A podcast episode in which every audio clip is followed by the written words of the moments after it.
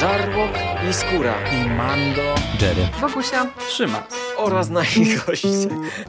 Zapraszamy. Zapraszamy. Zapraszamy. zapraszamy. Zapraszamy.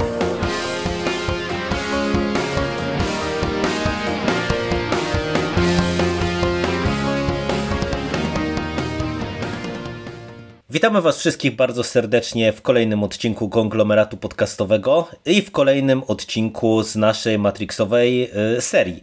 E, Z tej strony Michał Rakowicz, czyli Jerry i jest ze mną stałe grono w tej serii, czyli Bogusia Szewczyk. Czołem Bogusiu. Witajcie, witam Was moi drodzy i wszystkich słuchaczy. Też witam. Miałam plan na inne przywitanie, ale chyba się nie odważę jednak. I jest z nami e, oczywiście Michał Ogrodowicz, Sef, e, czołem. Siemanko Jerry, siemanko Bogusia i witam serdecznie słuchaczy. No i zgodnie z zapowiedzią e, sprzed w sumie niedawnego czasu, e, mam nadzieję, siadamy do drugiej części Matrix, Matrixa, czyli Matrixa Reaktywacja. E, The Matrix Reloaded. Zawsze mi się mylą te nazwy drugiej i trzeciej części. Nigdy nie pamiętam, która, która była reaktywacją, która Ale rewolucją. nie śmiej się, że, znaczy śmiejmy się, bo ja musiałem autentycznie sprawdzić na internecie, jak się nazywają druga i trzecia część, jak wyszukiwałem na Netflixie, bo nie byłem autentycznie pewien, która jest, e, która jest pierwsza, bo dla mnie zawsze to był Matrix 2 i 3 po prostu. No, dokładnie tak, dokładnie tak.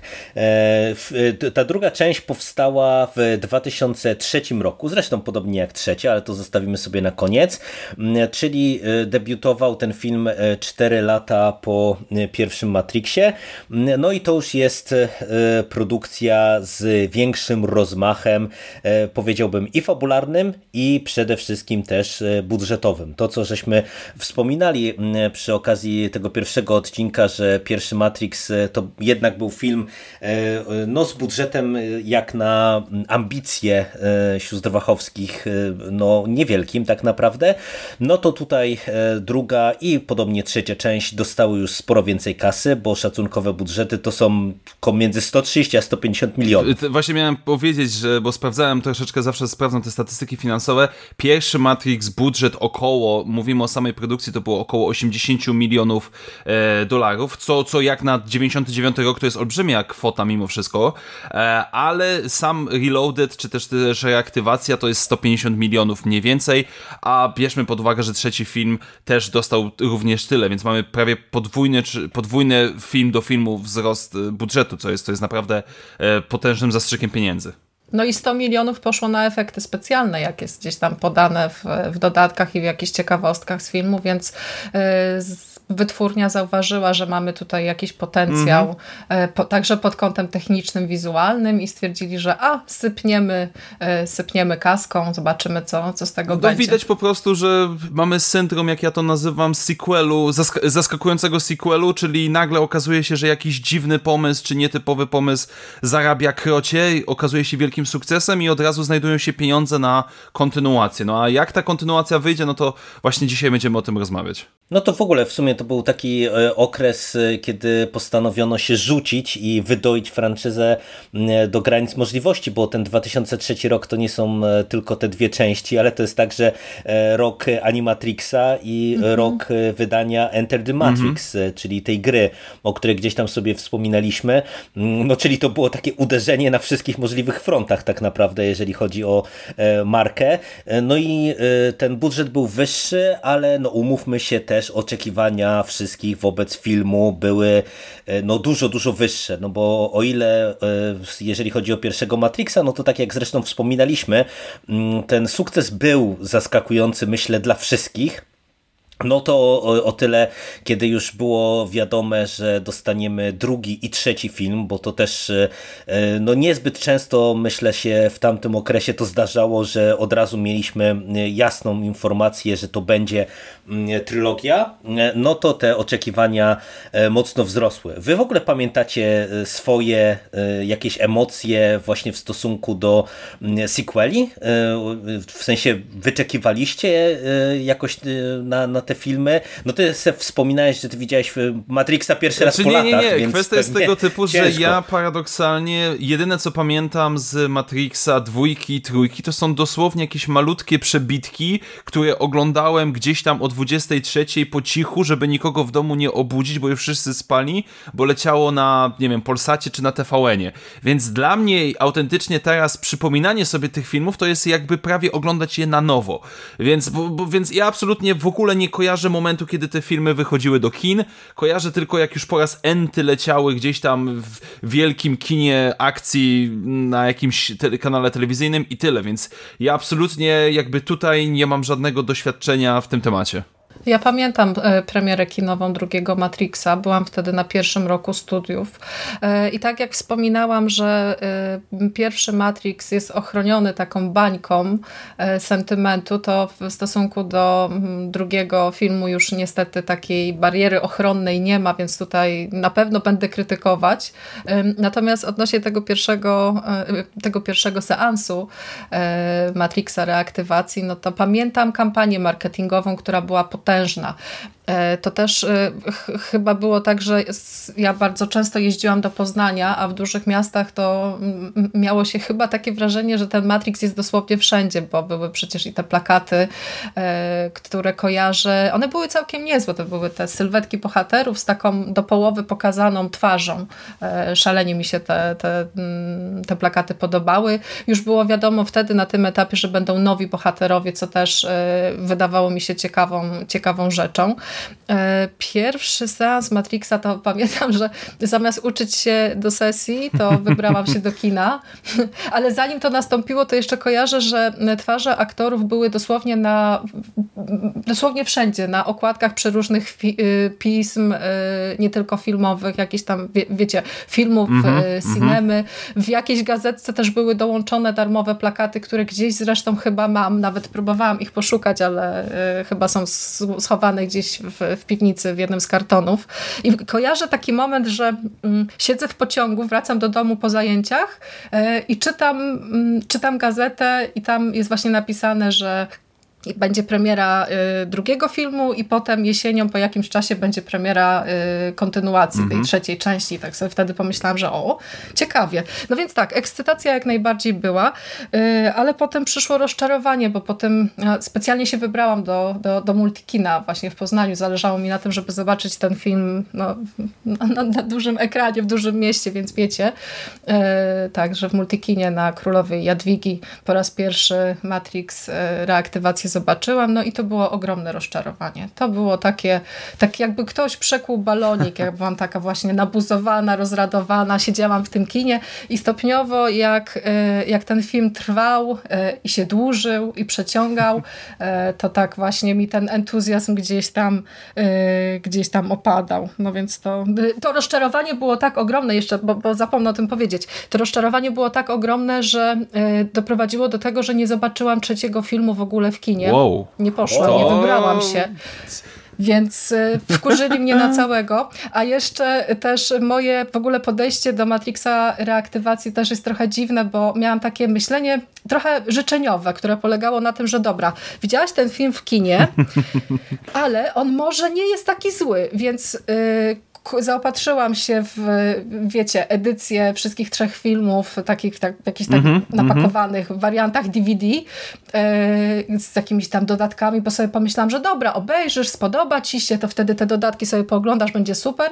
E, ja tę płytę od momentu kupienia obejrzałam chyba tylko raz i teraz dosłownie jak ją zdejmowałam z półki, to była na niej warstwa kurzu, a dodatków to chyba nie odpalałam nigdy, tylko teraz dopiero przed, przed tym nagraniem, bo stwierdziłam, że jednak coś chciałabym się mimo wszystko dowiedzieć o tym, jak ten film, e, jak ten film e, był produkowany, jak on powstawał, więc tak, Matrix re reaktywacja był takim no właśnie, troszeczkę gwoździem do trumny mojej, y, mojego wyczekiwania na trzeci film i, i takim naprawdę no, sromotną klęską, wielkim rozczarowaniem. Ale tak jeszcze, bo zastanawiam się, bo jak wspominasz Bogusia o, o tej niezwykle potężnej kampanii marketingowej, e, mhm. e, bierzmy pod uwagę, że to był rok 2003 w Polsce i jakby mhm. biorąc, ja sobie próbuję teraz wyobrazić, co musiało się dziać e, w Europie Zachodniej, czy na przykład w Stanach Zjednoczonych, skoro nawet w Polsce e, jeszcze nie aż tak wielkim rynku kinowym, powiedzmy, jest kampania marketingowa na takim poziomie, to co dopiero musiało być, jak bardzo zalani odbiorcy musieli być, e, powiedzmy, w rynkach docelowych, właśnie Stany Zjednoczone, Europa Zachodnia, czy, czy powiedzmy Australia, więc tu się zastan- jakby po prostu wyobrażam sobie, że to musiało być na potężnym poziomie, ale z drugiej strony też się na przykład zastanawiam nad tą kwestią, że E, bo jakby, no tak jak mówiłem wcześniej, to był sequel, na który prawdopodobnie czekali no prawie wszyscy, tak? No był to film, który przebojem się zdobył i też zastanawiam się i jakby to też nie jest jakby może na, na dzisiejsza tak do końca rozmowa, ale tak ogólnie e, i tutaj może do naszych słuchaczy, żeby się podzielili swoimi komentarzami. E, ile po latach tych oczekiwań jakby było po prostu za dużo, bo bardzo często, kiedy przychodzimy na jakieś sequele jakichś filmów, oczekiwania fanów czy widzów są tak gigantyczne, że są praktycznie nie do spełnienia. Um, i, I zastanawiam się po prostu, ile osób po jakimś czasie, po kolejnych seansach stwierdzało, że no dobrze, może jednak nie jest aż tak źle, jak, jak było na, za tym pierwszym razem, bo jakby zawsze mnie to zastanawia i, i autentycznie jestem tym zaintrygowany. To znaczy, wiesz, ja też y, zdaję sobie sprawę, że jakbym ten film oglądała, powiedzmy tam tak na siłę trochę, nie? Y, ki kilka razy pod rząd przez na przykład ostatnie lata. No, ja jestem takim widzem, który się przekonuje, jak coś mi się nie podoba, to a oglądam po raz kolejny, to zawsze staram się jakieś tam jaśniejsze punkty wyłapywać, więc mhm. możliwe jest też to, że do tej, do tej reaktywacji bym się mimo wszystko przekonała. No, natomiast y, ja mam właśnie takie jakieś dziwne wspomnienia w głowie okay, związane okay. z tym filmem. No i ta kampania marketingowa może w Polsce ona wcale taka wielka nie była. Może to po prostu też są jakieś tam właśnie przekłamane wspomnienia, które y, wiecie, nastolatka w dużym mieście na studiach sobie wbiłam do głowy, że o ten Matrix jest wszędzie. A może to też wynika z tego, że ja po prostu szukałam tych elementów i ja jak, ulubiąc Keanu Reevesa, no to gdzieś tam spacerując ulicą, to o, o Keanu tu, Keanu tam. Może to było dlatego, że, że, że tak wy, wypatrywałam tych no, ale znaków. możemy, możemy być chyba pewni, że po takim sukcesie pierwszej części i na pewno kampania marketingowa była i na pewno no było to wykorzystywanie marki na 100%, e, więc, więc no, no troszeczkę żałuję, że nie mogłem załapać się na to, na to wyczekiwanie i poczuć tej atmosfery właśnie czekania na kolejny, kolejny tytuł, więc, więc cóż, ale... No nie narzekaj, teraz czekamy na kolejny tytuł. To ale to nie jest, atmosferę. ale powiedziałbym, no teraz jakby oczekiwania względem czwórki są takie, nie oszukujmy się, że wiele osób zastanawia się, czy będzie tak źle jak dwójka trójka. Jakby no, no jest inny punkt wyjścia, tak? No po pierwszym Matrixie było super ekstra rewelacyjnie, no a teraz jest no nie cieszmy się za bardzo, bo może spieprzą, więc... Um... No, zobaczymy. E, o, lata e, dzisiaj cały dzień e, mi na Twitterze informacje, że po pierwszych pokazach nowy Matrix jest zestawiany z ostatnim Jedi, no, więc... I to jest... I, to...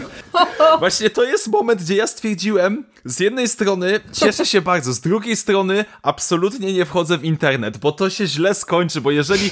No, znaczy, dla mnie to jest pozytyw, ale teraz czekam na te wszystkie komentarze, które zmasakrują mnie na YouTubie czy na Facebooku, ale tak, tak, też, też słyszałem ten komentarz i jeszcze bardziej czekam, jeszcze bardziej nie mogę się doczekać tego seansu. Tak. A, a co do y, tej dwójki, to akurat y, te, patrząc z dwóch różnych perspektyw, to tak, ta, tę kampanię marketingową ja pamiętam, ona była duża, jak na polskie warunki, mi się wydaje, przynajmniej właśnie z perspektywy Poznania, bo ja też y, w, w tamtym okresie już w Poznaniu funkcjonowałem, ale to wiecie, to też był ten okres po Władcy Pierścieni, mhm. gdzie ja mam wrażenie, że był taki głód te, też takiego dużego kina i, i patrząc z tej perspektywy z kolei oczekiwań, o których ty, Sef, mówisz, e, mi się wydaje, że e, Matrix e, to jest jeden z tych filmów, gdzie sequele na 100% nie mogły spełnić -hmm, oczekiwań. Tak, tak. Z prostego powodu. To, to był film, który wziął wszystkich z zaskoczenia, to po pierwsze. Po drugie, tak jak nawet rozmawialiśmy ostatnio, on był w sumie zamkniętą całością, mhm. która z jednej strony rzucała bardzo dużo m, takich okruszków, które można było rozbudowywać, ale z drugiej strony w zasadzie ten świat można było wykreować w sequelach y, totalnie w różnych kierunkach. No i umówmy się, że ten kierunek, które y, Wachowskie wybrały w sequelach, to jest rzecz, wydaje mi się, bardzo mocno dyskusyjna i są pewnie fani, którzy kupili tutaj te rozwiązania, które one zaproponowały.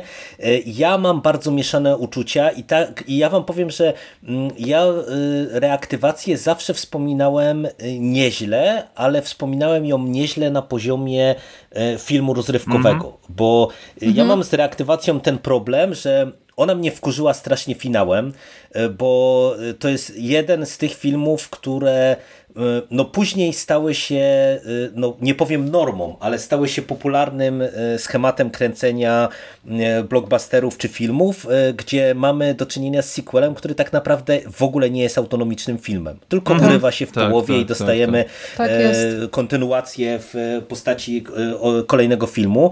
Ja na to totalnie nie byłem przygotowany, bo szczerze mówiąc w kinowej marce ja się z czymś takim nigdy wcześniej nie spotkałem, no bo wiecie, nawet y, y, patrząc na Władcę Pierścieni, który przecież funkcjonował w kinach równolegle do, do Matrixa można mhm. powiedzieć, no to jednak e, to jest inny rodzaj historii, nie? gdzie tam każdy, każdy z tych filmów ma pewną jakąś historię do opowiedzenia i mamy e, cliffhanger, ale no to, to jest inaczej prowadzona opowieść. A tutaj ja autentycznie, kiedy dostajemy w Reloaded ostatnią scenę, no to miałem poczucie, że my jesteśmy, wiecie, w środku no sceny. No tak, tak, tak. Co tak. zresztą widać, bo, bo, tak. bo, bo mamy otwarcie na koniec w rewolucjach właśnie właśnie identyczne jak, jak z tym filmem i to mnie potężnie rozczarowało, ale e, tak jak to mnie wkurzyło, to ja pamiętam e, i, i cały czas miałem takie wspomnienia, że ten film na tym poziomie rozrywkowym jest niezły, dlatego że czuć było, że oni chcieli tutaj y, pójść w spektakularność i y, tak jak mieliśmy te sceny akcji w pierwszym Matrixie, które mm, chwaliliśmy w -hmm. tym mhm. naszym ostatnim nagraniu, tak tutaj tego jest dużo, przy czym zawsze pamiętam, że mi zgrzytało właśnie to wszystko od tej strony fabularnej. Nie -hmm. byłem w stanie -hmm. ani tego do końca poukładać, ani tego kupić, i to jest mój podstawowy problem, bo jak wróciłem, e, to e, z jednej strony te odczucia mam e, podobne, z drugiej strony wam powiem, że jak teraz rozpoczęliśmy tę rozmowę i, i padło to, że mm, tutaj dwie trzecie tego budżetu, czyli około 100 baniek poszło na efekty specjalne, to stwierdziłem, e, tak przechodząc właśnie trochę do samego filmu, że to jest e, mega zaskakujące, bo kiedy my e, dostajemy otwarcie i mamy podobny zabieg jak w pierwszym filmie, czyli mamy Trinity, mm, która no jest w środku jakiejś akcji, mhm. to nie wiem jak was, ale mnie uderzyło to, że ta scena dużo gorzej wygląda całościowo, jest dużo gorzej nakręcona i dużo gorzej wypada pod kątem efektów specjalnych niż e, ta analogiczna jakby w konstrukcji, e, czyli znów wielka akcja, pościg, ucieczka i tak dalej, i tak dalej, sekwencja z pierwszego Matrixa. Wiem skąd to się bierze, Jerry. No, wiem, no, wiem skąd to się bierze, z tego względu, że oglądając drugiego Matrixa wszyscy czekali na takie sceny. Spodziewaliśmy się tego, że mhm. Trinity będzie fruwać, będzie oczywiście coś tam z tym zaginaniem czasu, będzie to cały bullet time, te spowolnienia, więc y, tak jak pierwszy Matrix wziął nas z zaskoczenia i nie wiedzieliśmy czego się spodziewać, tak przy drugim już mieliśmy pewnego rodzaju wyobrażenie tego, co oni mogą zrobić w tym filmie. Ale nie, ja, ja się akurat to nie do końca zgodzę ci powiem, bo ja nawet nie, nie dlatego właśnie mam z tym problem, bo ja wiedziałem czego się spodziewać, a teraz wiesz, patrząc z perspektywy powtórki po latach, no to w ogóle y, wiedziałem czego się spodziewać, bo y, to było dla mnie w sumie zaskoczenie, że znów, y, podobnie jak jedynkę, mimo że tego filmu naprawdę nie odświeżałem prawie wcale, to też wszystko, co istotne z niego pamiętałem i mm, sama ta scena ona, sam pomysł na tę scenę jest ok, e, tylko ja mam ten problem, że mm, w tej części się zaczyna już to, co, co będzie do końca, czyli że mm, oni zmienili jakby mam wrażenie cały sposób kręcenia tego filmu. To, co tak bardzo chwaliliśmy w jedynce, że wiecie, tam każde, mhm. E, każda scena była fajnie pomyślana, e, że były, było zadbane o detale, dopieszczone były te lokacje, dopieszczone były stroje, tak, tak tutaj mam wrażenie, że to wszystko jest takie trochę niespójne, oparte na dziwnych wyborach. Tu, tu wszystko na przykład mamy w tych takich zielonkawych filtrach, e, czego w ogóle nie było w jedynce. E, a tutaj, nie wiem, pewnie przez to, żeby podkreślić, że mamy ten Matrix, który wiecie, mamy Mhm. te ślaczki, które nam się przesuwają po ekranie, to teraz to przenieśli jakby do świata e, przedstawionego i bardzo często właśnie mamy ten, mm, te, te takie jakieś zielone, e, zielonkawe motywy w sekwencjach akcji to jest zastosowane. E, e, Plus, e, no właśnie mówię, jest dużo takich e, dziwnych niedopasowań, Mhm. nie? jak chociażby też kostiumy, które od początku e, Fatalne, kolą, kostiumy są kolą, fatalne. kolą w oczy e, i, i na przykład e, no, no to, to, to mnie bardzo mocno wybijało. Ale wiesz co, Jerry, jedna rzecz, bo tak mówisz o tym wszystkim, o, o tej scenie otwierającej i ja sobie jakby uświadomiłem, że w porównaniu z pierwszą częścią, po pierwsze, e, mamy do czynienia z gigantyczną zmianą lokacji, bo większość, praktycznie cała No, jedynka prawda. była Mhm. w ciasnych pomieszczeniach. Co najwyżej moment tylko przez chwilę gdzieś tam nasi bohaterowie szli przez jakieś ulice i tak dalej. Tutaj a tak naprawdę mamy cały pościg na autostradzie, który trwa te 15-20 minut. Mamy sam Zion, który mimo, że jest w centrum jakby Ziemi, planety, to i tak przedstawia nam gigantyczne przestrzenie. Mamy dużo więcej ludzi na ekranie, więcej część, mamy nawet spotkanie z z tym francuskim programem, bo oczywiście imię, imię cie, Merowingiem. Me- Merowingiem, zawsze nie umiem tego wymówić. E, wchodzimy do knajpy pełnej ludzi, więc ja bym powiedział generalnie rzecz ujmując, że to może wynikać z tego. Natomiast co do kolorów, to trochę się nie zgodzę, bo znaczy tak, inaczej. Po pierwsze, mamy dużo więcej lokacji, które są w zupełnie innych kolorach. Mamy cały Zion, mamy cały aspekt e, brudu, ludzkości, potu i tam jest ziemia, gleba i tak dalej. Matrix nadal jest takim zielonkawym, powiedzmy, światem i to jak najbardziej jest w porządku. Tylko, że to, co czasami, jak ty mówisz, że my widzimy te przy okazji scen walki, ja to trochę zrzucam i tak jak przed nagrywaniem mówiłem, że będę dzisiaj trochę adwokatem diabła, y, na fakt tego, że my patrzymy często z perspektywy Neo. Neo, który patrzy na świat, który nawet śni o Matrixie w za pomocą kodu. On już nie widzi budynków, ludzi, agentów, on widzi programy, on widzi algorytmy e, i, i, w ten sposób, więc ja to trochę w ten sposób tłumaczę. E, i, I jakby. No inaczej, wydaje mi się, że po prostu Wachowskie troszeczkę nie poradziły sobie. Mogę się z tym zgodzić, to co mówisz, że ze zmianą klimatu, czy ogólnie podejścia do kręcenia niektórych scen, chociaż niektóre z nich absolutnie mm, są rewelacyjne, szczególnie pod tym względem akcyjniakowym mimo wszystko. No tutaj przede wszystkim scena na autostradzie, która swoją drogą była gigantycznie kosztowna, ponieważ z tego co kojarzę, oni wybudowali specjalnie No dwa tak, kilometry dwa kilometry autostrady, drogi. która Mhm. jeździła w kółko i najlepsze jest to, że na filmie to widać. Znaczy się, jak spauzujemy w odpowiednim momencie, to widać, że ta autostrada za każdym razem gdzieś tam na końcu skręca w prawo albo w lewo. Więc, e, więc nie, generalnie powiedziałbym, że no jest zmiana, ale nie powiedziałbym, że jest aż, aż tak tragiczna, jeżeli chodzi o to. Po prostu jest zmiana klimatu, innego podejścia, no bo moim zdaniem musiało coś być. No nie mogliśmy dostać drugiej części identycznej jeden do jednego, tak jak jedynka bym powiedział. Ty, tylko, tylko to, ja, ja się zgadzam, że to jest w sumie nawet fajne, że wiesz, że mamy to otwarcie. Ja na przykład bardzo e, i lubię, zawsze lubiłem tę scenę na autostradzie, ale w ogóle na przykład e, to, co ty powiedziałeś, cały ten klub Merowinga, e, to też jest fajna rzecz. Mi się to podoba. Ja mam większy problem z e, tymi wszystkimi rzeczami na początku. W ogóle, Mhm. jak e, odświeżałem ten film, to wam powiem, że mm, stwierdziłem, że ten początek jest najsłabszy. Bo i ta, No, ta pierwsza tak. scena jest, jest e, bardzo taka sobie, i to później spotkanie kapitanów w Matrixie ym, i, i ten pierwszy, ta pierwsza walka e, Neo, kiedy go widzimy w sutannie Mhm. i później robi Supermana, e, to jest też wszystko jakieś takie nędzne, to, to spotkanie z mm, tymi agentami.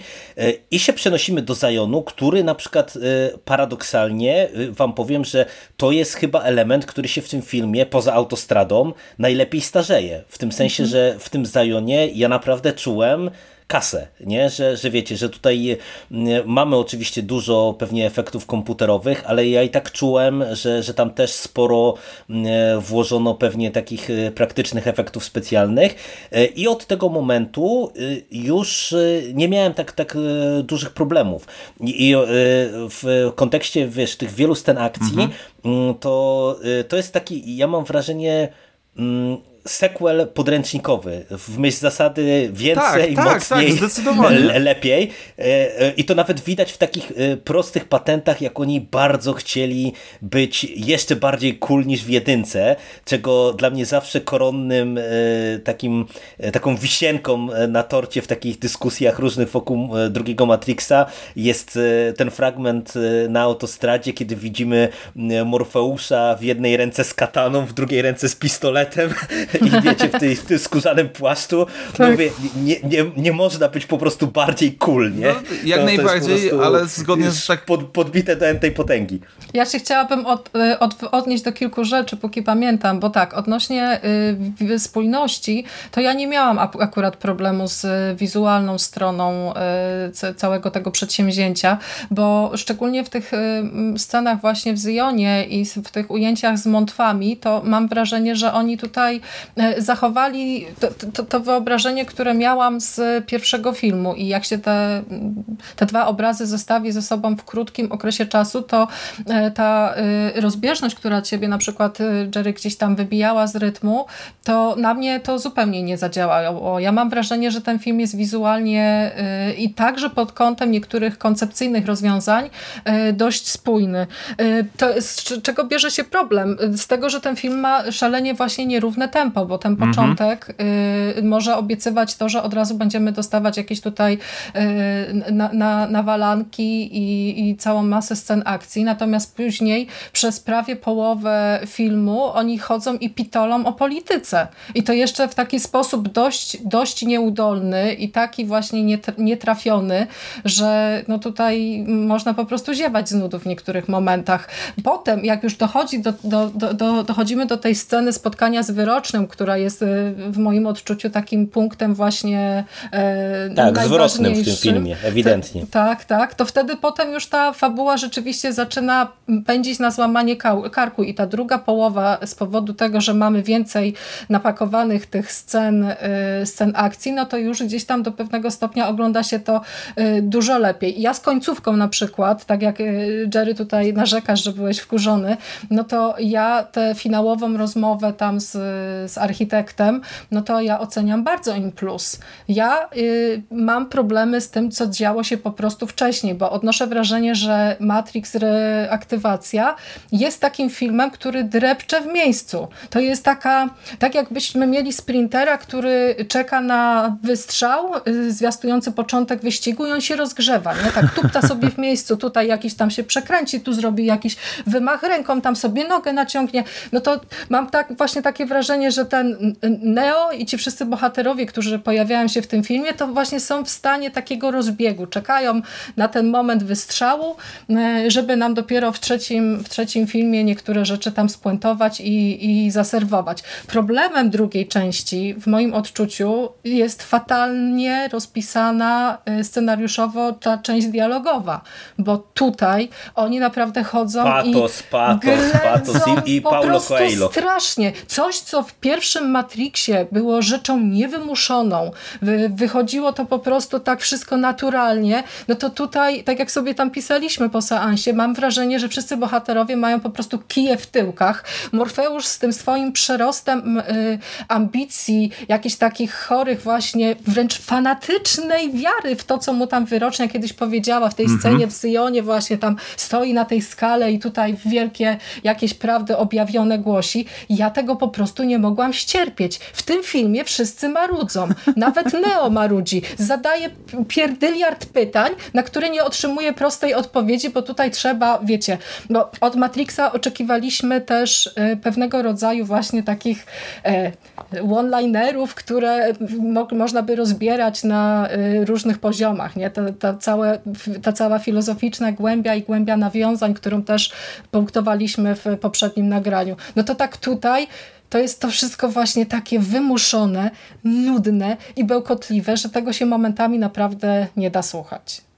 To jest jeden z głównych problemów tego filmu dla mnie. Już ci Znaczy nie, nie, jakby ja to totalnie rozumiem, bo rzeczywiście w pewnym momencie to przypomina jakąś zwykłą grę RPG na zasadzie mamy wprowadzenie do questa, chwilę się bijemy, przechodzimy do kolejnego NPC'a, NPC nam mówi, że musimy iść, e, że musisz iść znaleźć klucznika, klucznik jest w więzieniu tego kolesia, idziesz do tego kolesia, z kolesiem gadasz Koleś 15 gada. minut, nie daje ci odpowiedzi, dostajesz side questa z jego żoną i tak dalej, jakby ja... Żona też tak, gada. Tak, żona też gada i masz dziwnego, bo musisz ją pocałować i potem uciekać, znaczy generalnie jest tak, ja mam ja, jest, ja mam przekonanie i ja podejście mam takie, że filmowo pod względem tworzenia filmów to jest co najwyżej przeciętny film.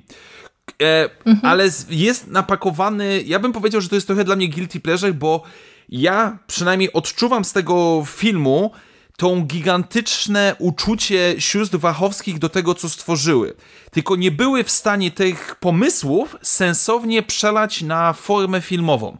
Przez co mamy te o, całe tak. ściany tak. tekstu, mamy tą ekspozycję, która dla mnie jest ciekawa, ale jak byłbym powiedzmy, nie wiem, piętnastolatkiem, który idzie do kina yy, i czeka na to kompaninę, a potem dostaje 15 minut wykładu, dlaczego język francuski jest super do przeklinania, no to no nie, to, to się nie zgrywa. To najzwyczajniej w świecie e, jest przesadzone i, i, no boli to niesamowicie, chociaż są momenty, które naprawdę mi się podobają e, i na przykład właśnie ze względu na grę aktorską, bo e, spotkanie e, nie Morfeusza, Neo z wyrocznią dla mnie jest najlepszą sceną Świetne, całego filmu. Ten początek. Ale bardziej chodzi mi o coś innego, że Neo, kiedy on jest całym tym powiedzmy wybrańcem i my widzimy, że on jest tym wybrańcem, że on nagina system, może to wszystko robić i tak dalej, kiedy siada sobie przy tej starszej, miłej, miłej pani na ławeczce, znów staje się tym niepewnym człowiekiem, który nie wie do końca co robić. I dla mnie na przykład to jest świetne. Gorzej trochę wypada spotkanie z architektem ze względu na to, jak architekt mówi. No ale jest programem komputerowym, więc no cóż musiało to być. Natomiast odniosę się jeszcze do tego Morfeusza, bo moim zdaniem, pamiętam, że kiedy mówiłem swoim znajomym, że no będę tam oglądał drugą, trzecią część, to oczywiście e, wszyscy mi mówili, że absolutnie tego nie oglądaj, bo to nie warto i tak dalej, i tak dalej. I właśnie jeden z argumentów, który słyszałem, że Morfeusz przechodzi jakąś zaskakującą zmianę fabularną względem jedynki. Ja tego zupełnie nie mm, widzę, nie, nie, ale nie, nie, dla mnie Morfeusz jest dokładnie tą postacią, no bo, y, którą powinna być w drugiej części, no bo zastanówmy się, wszyscy mówili mu, że nie ma racji, wszyscy mówili mu, że jesteś walnięty, sam Link w tym filmie, kiedy jego dziewczyna mówi, ale Morfeusz jest wariatem, na 100% jest wariatem, ale ja mu wierzę on wygrał w Totolotka, znalazł jedynego wybrańca i on teraz za przeproszeniem jest święcie przekonany, że ze wszystkim. I to jest świetne, kiedy on na końcu dowiaduje się, że a, Neo przejdzie przez drzwi, to wszystko się rozwiąże, a tu się okazuje, że nie. I, i też jego załamanie na końcu, kiedy tracimy y, jego Nabuchodonozora i tak dalej, jest w porządku, więc dla mnie ta patetyczność też jakby mówimy o sytuacji, jak on mówi w tej przemowie, że mamy, że, ca- że po, e, ludzkość 100 lat, całe pokolenie, cały wiek walczyła z maszynami tam musi być jakiś element szaleństwa. To są ludzie, którzy żyją w, za przeproszeniem, patologicznej, ekstremalnych sytuacjach i oni nie mogą być do końca normalni. Oni nie mogą funkcjonować tak jak my. To jest trochę, że to jest tak samo jak w Mad Maxie, gdzie ci ludzie nie mogą być po prostu normalni ze względu na swoje otoczenie, więc Lawrence Fishburne, który tutaj gra Morfeusza, święcie przekonanego religijnego fanatyka, dla mnie jest jak najbardziej w porządku. No i ma rewelacyjny fioletowy garnitur na autostradzie, więc zazdroszczę. Um, ale, ale... To znaczy, wiesz, no, widzisz, kolejny, kolejny element do katany, Tak, tak, ale to jest super, no po prostu, jak nie lubię garniturów, tak, to, to taki fioletowy mogę mieć. Wygląda dobrze. Znaczy, problem z Morfeuszem bierze się z tego, że on w drugiej części zostaje całkowicie odarty z tajemniczości, bo w pierwszym filmie mieliśmy figurę Morfeusza, nauczyciela Morfeusza, człowieka, mhm. który wie wszystko, a tutaj okazuje się, że Morfeusz wcale wszystkiego nie wie, wręcz przeciwnie. Y, jest człowiekiem, który też troszeczkę błądzi we mgle i też szalenie raziły mnie te wszystkie sceny, kiedy Morfeusz tak bardzo przekonany o tej swojej właśnie słuszności swoich poglądów, e, ignoruje rozkazy wszystkich wokół. Tak bardzo mnie raziło właśnie to, że on tak bardzo wierzy. Y, miałam po prostu wrażenie, że o, troszeczkę mu ta woda sodowa do głowy uderzyła z powodu tego, że o tutaj jest, jest Neo, który potrafi różne rzeczy, więc, więc teraz haha, ja tutaj wszystko wiem. Y, no. A że fajnie wygląda z kataną, to swoją drogą. Znaczy ja wam powiem, że e, ja z tym filmem e, dlatego mam tak duży problem, e, też po tym odświeżeniu, że to, co ty Sef zauważyłeś, tutaj moim zdaniem jest naprawdę bardzo dużo fajnych pomysłów. Mhm. Ja bym na kilka rzeczy chciał zwrócić uwagę. Mm, po pierwsze, agent Smith. Rewelacja. I to, co się z nim dzieje. Czyli, że mamy Y, wprowadzony wątek y, programu, który wymknął się spod kontroli, programu wirusa. Mhm. I wam powiem, że akurat e, ten wątek, tak jak z jednej strony pamiętałem e, e, i, i wracając jakby do tego mojego wkurzenia na finał, to to mnie tak naprawdę wkurzyło. Architekt to, to jest spoko, to jeszcze do niego dojdziemy, natomiast mnie najbardziej zirytowało to, że urywamy to wszystko w takim miejscu, jak urywamy, kiedy widzimy Neo z tym drugim gościem przejętym przez Smitha głowa w głowę. Mhm złożonych i, i czekających w szpitalu. I przede wszystkim mnie strasznie zirytowało to, że właśnie e, agent Smith e, przeniósł się do rzeczywistości. No właśnie. Czego ja nie no, rozumiem. I, i, i, mam, i mam, nadzieję, mam nadzieję, że mi wyjaśnicie, jak on to zrobił, bo dla mnie to jest arcykretyńskie. Znaczy, tu jest problem, bo tak jak mówisz, jest mnóstwo pomysłów i my dostajemy ich tak dużo na twarz, że ja na przykład miałem problem, żeby wszystko przemielić. Autentycznie czasami musiałem cofać, żeby upewnić się, że ja dobrze coś zrozumiałem, bo tego jest mnóstwo.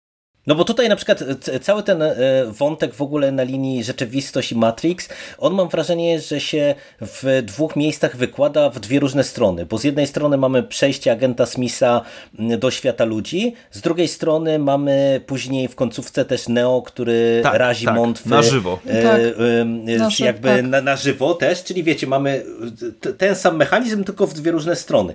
Natomiast jakby sam ten motyw e, z agentem Smithem jako wirusem, ja uważam, że to jest świetny mhm. patent i ta scena e, e, przy wyroczni z, i ta pierwsza, pierwsze spotkanie z klonami, walka z klonami, e, nie wiem jak wy ją oceniacie po latach, bo pomimo tego, że, że widać w niektórych momentach efekty komputerowe, to ja wam powiem, że ona naprawdę robi nadal wrażenie. Jak wam się podobał cały ten wątek wokół agenta naszego ukochanego? To znaczy, dla mnie jest to świetnie zrobione, bo Hugo Waving idealnie wczuł się w szalony program komputerowy. Jakby, y, tak jak my się zastanawiamy się, że na przykład Neo w poprzedniej części przeżył szok, kiedy z, z, z zdał sobie sprawę, jaka jest rzeczywistość i został wyciągnięty z Matrixa, tak samo tutaj agent Smith przestaje być programem i moja teoria związana z tym, czemu on się mógł przenieść do naszego wymiaru, nazwijmy to w ten sposób, wynika z tego, że jak Neo go od środka zniszczył, to zostawił jakąś cząstkę siebie, nie wiem, to jest bardzo luźne. Horcrux. No coś w tym stylu, nie wiem, zgaduję, to jest bardzo naciągane, ale, ale dobra. Ale co do samej walki, E, ja, ja, ja ją kupuję z dwóch powodów. Po pier jakby, z pierwszej strony mamy do czynienia z Neo, który nagina system. On, on może robić w Matrixie co prawie chce, co mu się podoba, e, po prostu jest, jest panem tego świata w pewien sposób. Ale z drugiej strony argumentacja, którą gdzieś znalazłem na internecie i która nawet mnie przekonuje, to fakt tego, że kiedy my oglądamy tą walkę, może za wyjątkiem tego e, efektu dźwiękowego e, kręgli, bo to jest straszne, e, kiedy mamy taką ilość programów, jakby jakość rozchodzi się na większą ilość kopii, przez co w pewnym momencie te klony agenta Smitha są takimi troszeczkę jakby e, sztucznymi ciałami, takimi automatycznymi, e, po prostu, które idą na masę, żeby na przykład Takim dokładnie, tak. no bo program jako Matrix też może się przeciążyć. To jest tak jakbyśmy, nie wiem, po prostu grali w jakąś grę i na przykład za dużo się dzieje na ekranie naraz, to po prostu nasz komputer nie wydala, więc ja sobie tak trochę dopowiadam, bo to jest tylko moja interpretacja, że po prostu te wszystkie narzuty, ilość Smitha była tak duża na metr kwadratowy, że system przestał jakby nadążać, przez co ta walka no, jest taka bardziej generyczna, bym powiedział. Jak bardziej taka masówka. Nie skupiamy się jeden na jednego kung fu versus tam karate czy cokolwiek, tylko właśnie jest coś takiego i mimo wszystko mi się to podoba. Jakby jest to po prostu naparzanka i tyle, ale jest jak najbardziej w porządku. Ten wielokrotniony przeciwnik to jest też zmiana właśnie w stosunku do pierwszego filmu, w którym Neo zawsze miał jednego mhm. przeciwnika i stawał z nim twarzą w twarz. E, tak, i tak jak w świecie ludzi jest jeden wybraniec, tak równie dobrze może być jeden e, wybraniec w świecie maszyn, więc ja sobie właśnie tłumaczę e, agenta Smitha w, w taki sposób, że jest on właśnie taki D1 w tym świecie wygenerowanym przez, przez maszyny. Tu mamy Jezusa, tu mamy szatana. No, dokładnie tak. tak. Na takiej zasadzie dwóch opozycji, bo skoro jeden funkcjonuje w świecie, to musi mieć przeciwnika, nie? To, to, ta, odwieczna, ta odwieczna potyczka dobra, dobra ze złem. Y, dla mnie agent Smith w tym filmie jest właśnie kapitalną figurą. Generalnie to jego odłączenie się od Matrixa, y, ta słuchawka symboliczna, tak, którą gdzieś tak. tam przekazuje Neo na początku, y, na początku filmu, jest właśnie symbolem tego, że teraz już nie ma żadnych ograniczeń. Tak jak panie Anderson, pan zmartwychwstał i tutaj zaczął naginać rzeczywistość, tak samo jest ze mną. Ja również niektóre rzeczy mogę zrobić. Agent Smith jest jednocześnie w tym filmie bardzo jasnym punktem pod kątem tego, że jest nośnikiem kapitalnego, niewymuszonego humoru. Mhm. Te tak, chwile, kiedy infekuje właśnie tych poszczególnych tam y, ludzi, y, przekształcając ich w kopię siebie i te komentarze, które rzuca, mhm. już prawdziwą perłą dla mnie jest właśnie ta scena, w której poprawia krawat y, tam jednemu z, ze swoich, tak. jednej ze swoich kopii. I sam sobie dziękuję. Coś, coś naprawdę, sam sobie dziękuję właśnie i ja, i ja, no i jeszcze ja. Tak, to jest wszystko takie, takie na, na, na, naprawdę fajne. A to, że przedostał się do Matrixa, y, no ja tego nie jestem w stanie sobie wytłumaczyć. To jest jeden z takich e, właśnie scenariuszowych bubli, które y, w tym filmie się przydarzyły.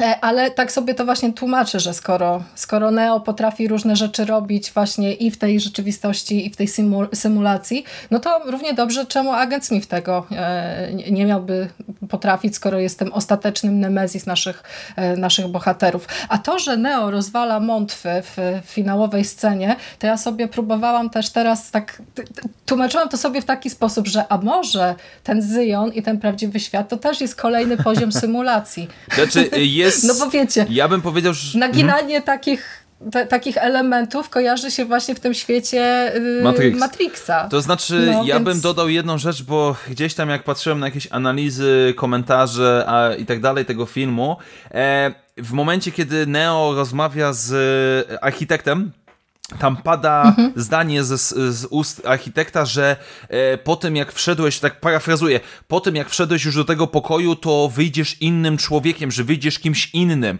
Więc e, niektórzy analizują na tej zasadzie, że po spotkaniu z architektem Neo w jakiś sposób dostał nowe umiejętności, nowe skille, tak, upgrade. tak, upgrade i, i teraz w jakiś to działa. Może w trzeciej części, bo nie pamiętam, może w trzeciej części jest to jakoś wyjaśnione, ewentualnie dopowiedziane.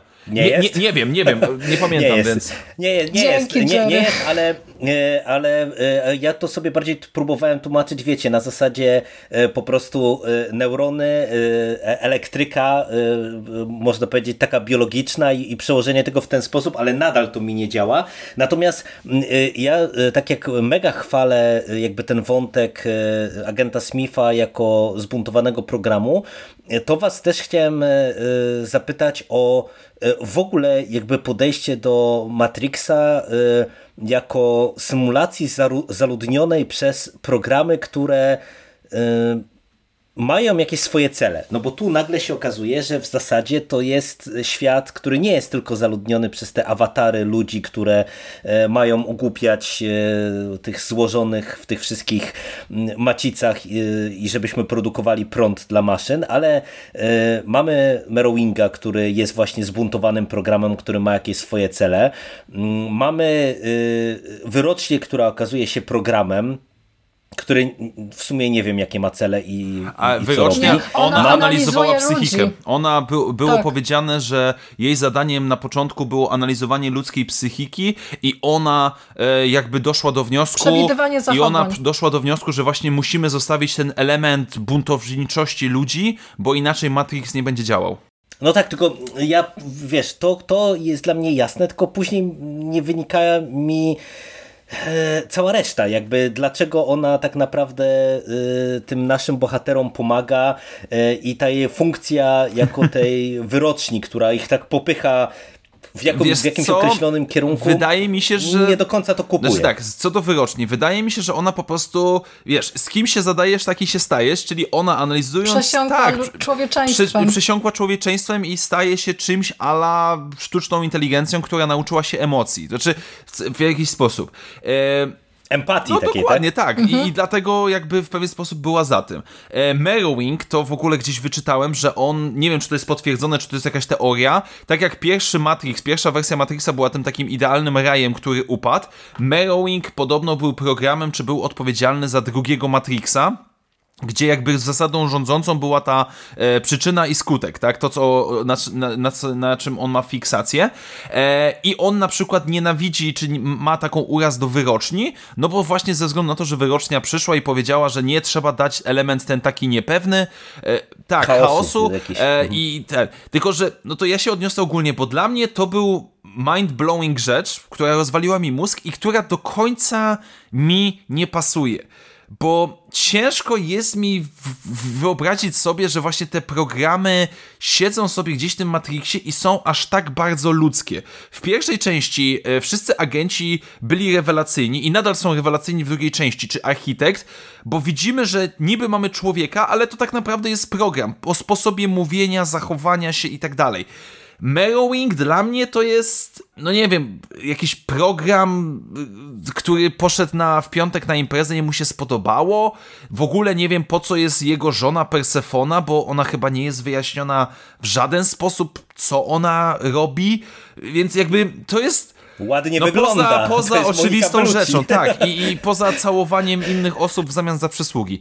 Um, ale to jest dla mnie dziwne. Tak, tu się z tobą, Jerry, zgadzam, bo to do mnie nie do końca i jakby też okazuje się, że jest Serafin, który jest programem ochronnym dla wyroczni, ale Jezu. kto stworzył Serafina? Po co stworzył Serafina? Nie, no tu, tu, tu jest w ogóle, wie, wiecie, to, to ja właśnie Ech. chciałem e, was zahaczyć o te programy, bo jak tutaj e, zaczniemy to rozkminiać, to przecież mamy cały wątek e, duchów, wilkołaków i wampirów, tak. które też się okazują no. programami. Nie, że to nie są jakieś tam legendy, które, które ludzie sobie stworzyli, czy cokolwiek innego, tylko też mamy przecież całą właśnie świtę Merowinga w postaci tych demonów, które wymieniłem, czy duchów, które są też e, właśnie takimi zbuntowanymi programami. No i, i właśnie ja ja jestem trochę bezradny wobec tego wszystkiego, bo tu, są, tu, tu mam wrażenie, że są naprawdę momentami fajne pomysły, jak właśnie e, ten punkt wyjścia dla wyroczni, jak pomysł z architektem i na przykład tym, że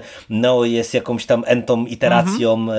E, jakiegoś mhm. błędu. To jest bardzo, bardzo ciekawy pomysł, ale z drugiej strony ja tak sobie myślałem mm, właśnie z tymi e, programami, demonami. Przecież to jest to jest cool, ale Bez to tak sensu. tak totalnie nie ma sensu.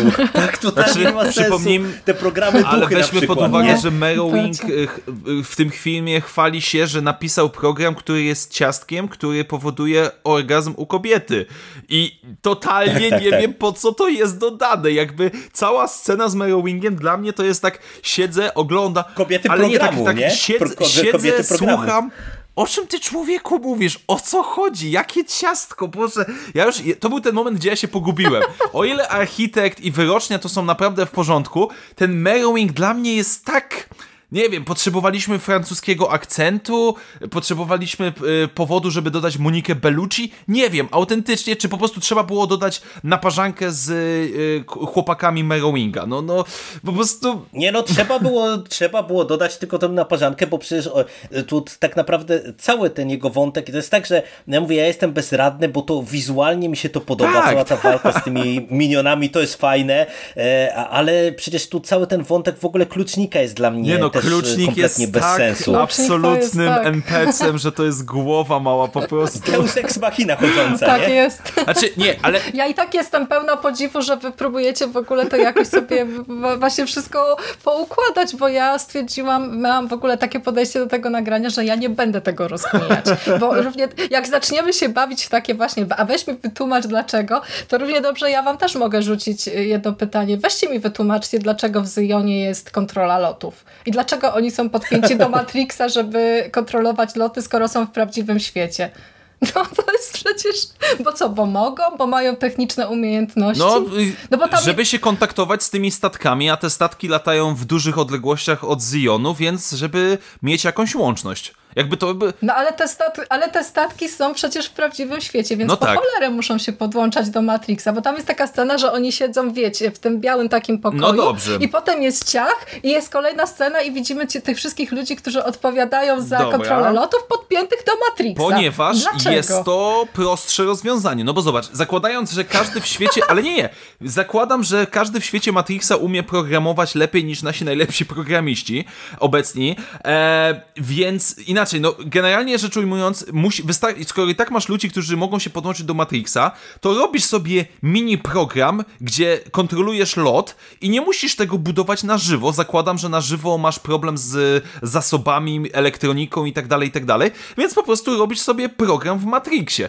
Tak jak na przykład y, ten szczurek w pierwszej części robił, jak nasi bohaterowie trenują w Matrixie, w jakichś zestaw, programach treningowych i tak dalej, tak samo robimy to tutaj, więc jakby tak, spotkania, no, takie spotkania, teams, nakładka no. na Zooma, tylko, tylko, no, tylko po prostu Ale też zauważmy, no, o czym było, jest cała gadka nocna Neo z tym, ja go nazywam senatorem, e, że my jesteśmy zależni od maszyn, więc, a one są zależne od nas, więc jakby, no, ja rozumiem, że Matrix jest zły i niedobry. Co notabene jest akurat bardzo dobra to, to rozmowa. Przy, przy, przy, przepraszam, wpadnę mm -hmm. ci w słowo tylko, Sef, bo moim zdaniem ta sekwencja jest bardzo ważna w kontekście y, sequeli obydwu, tak.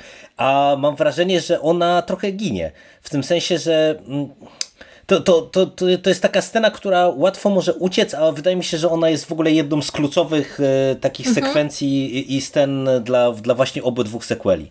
Świetna jest ta rozmowa. Tak, tylko ja mam problem z wnioskiem, bo scena trwa jakieś tam 5-10 minut powiedzmy i ja już w połowie doskonale wiem, o czym pan senator mówi i wniosek z rozmowy jest taki, że no, my jesteśmy zależni od maszyn, a maszyny są zależne od nas. No da, Coś jakby... mi teraz przyszło do głowy. Jesteś lepszym wybrańcem niż no nie, Neo, skoro no, ale, no, to od razu. Ja, to jest takie, no, żyjecie od ponad 100 lat w centrum Ziemi, no nie oszukujmy się, gdyby nie technologia podstawowa, to byście już dawno wszyscy nie żyli, no jakby, jakby i tam jest sam wniosek, no tak, bo wniosek jest taki, że senator daje im możliwość wylotu e, i potem chroni jakby plecy Morfeusza, okej, okay, tylko dla mnie ta rozmowa jest ładnie zrobiona, ładne jest ujęcie, cały nocny Sion jest piękny, piękny, ale no naprawdę musieliśmy zrobić całą filozoficzną rozmowę, żeby zrozumieć coś, co jakby no średnio ogarnięta osoba kuma w wieku 18 lat. No, no tak, no, bo to jest taki właśnie film. No, to, to... to jest po prostu film, który cierpi na y, niedom, niedomogi scenariuszowe, ubrane w całą masę właśnie ślicznych ozdobników. No tak, tak. w momencie, tak. kiedy zaczniemy się logicznie zastanawiać nad niektórymi rozwiązaniami, to po prostu mózg eksploduje. Ja też mam, y, y, mam też problemy związane o dziwo ze scenami walki, tak już trochę mhm. zostawmy może to rozkminianie y, i doszukiwanie się kolejnych, kolejnych poziomów, bo mm, o ile to wszystko rzeczywiście fajnie, fajnie wygląda, to nie wiem, czy wy też odnieśliście takie wrażenie tutaj. Ta, ta, ta, scena z agentami Smithami jest akurat spoko, ale w takiej na przykład w walce z minionami Małwinga, to ja mam potężne uczucie takiego takiej tego, że Neo jest na przykład strasznie ociężałym e, wojownikiem. Mm -hmm. Morfeusz też ma problemy no z jakimiś takimi... biega w sutannie. tak, no to, jednak, to, jest, to jest jedno z wytłumaczeń. Biegał w, biegał w spodniach e, i w koszulce w jedynce, tak jak Trinity biegała w spodniach i w koszulce, a teraz dali e, Trinity kostium pełen, e, w którym się ledwo rusza i dali jemu sutannę. Tak. Tak, tak, tak, tak. tak bo to wiecie, no. bo to jest tak, że te choreografie mm -hmm. scen walki nadal są spoko. One nadal tak, tak. są są widowiskowe, ale one, te, te, te, te, momenty nawalanki to są wprowadzone w ogóle czasami zupełnie z tyłka, kompletnie bezsensownie. Taka, na przykład, takie na przykład pierwsze spotkanie z Serafinem, no to jest dla mnie scena kuriozalna, bo no, wchodzi sobie gościu, tam siedzi właśnie Serafin, popija herbatkę i taki tekst, że to dzień dobry, szukam wyroczni, no dobrze, zaprowadzę cię, ale przepraszam, za co? No i zaczynają się bić. No i o, o co chodzi? I później jeszcze puenta w ogóle y, całej tej tej, całej tej walki wygląda tak, że dobrze, już możemy przestać, bo musiałem cię sprawdzić.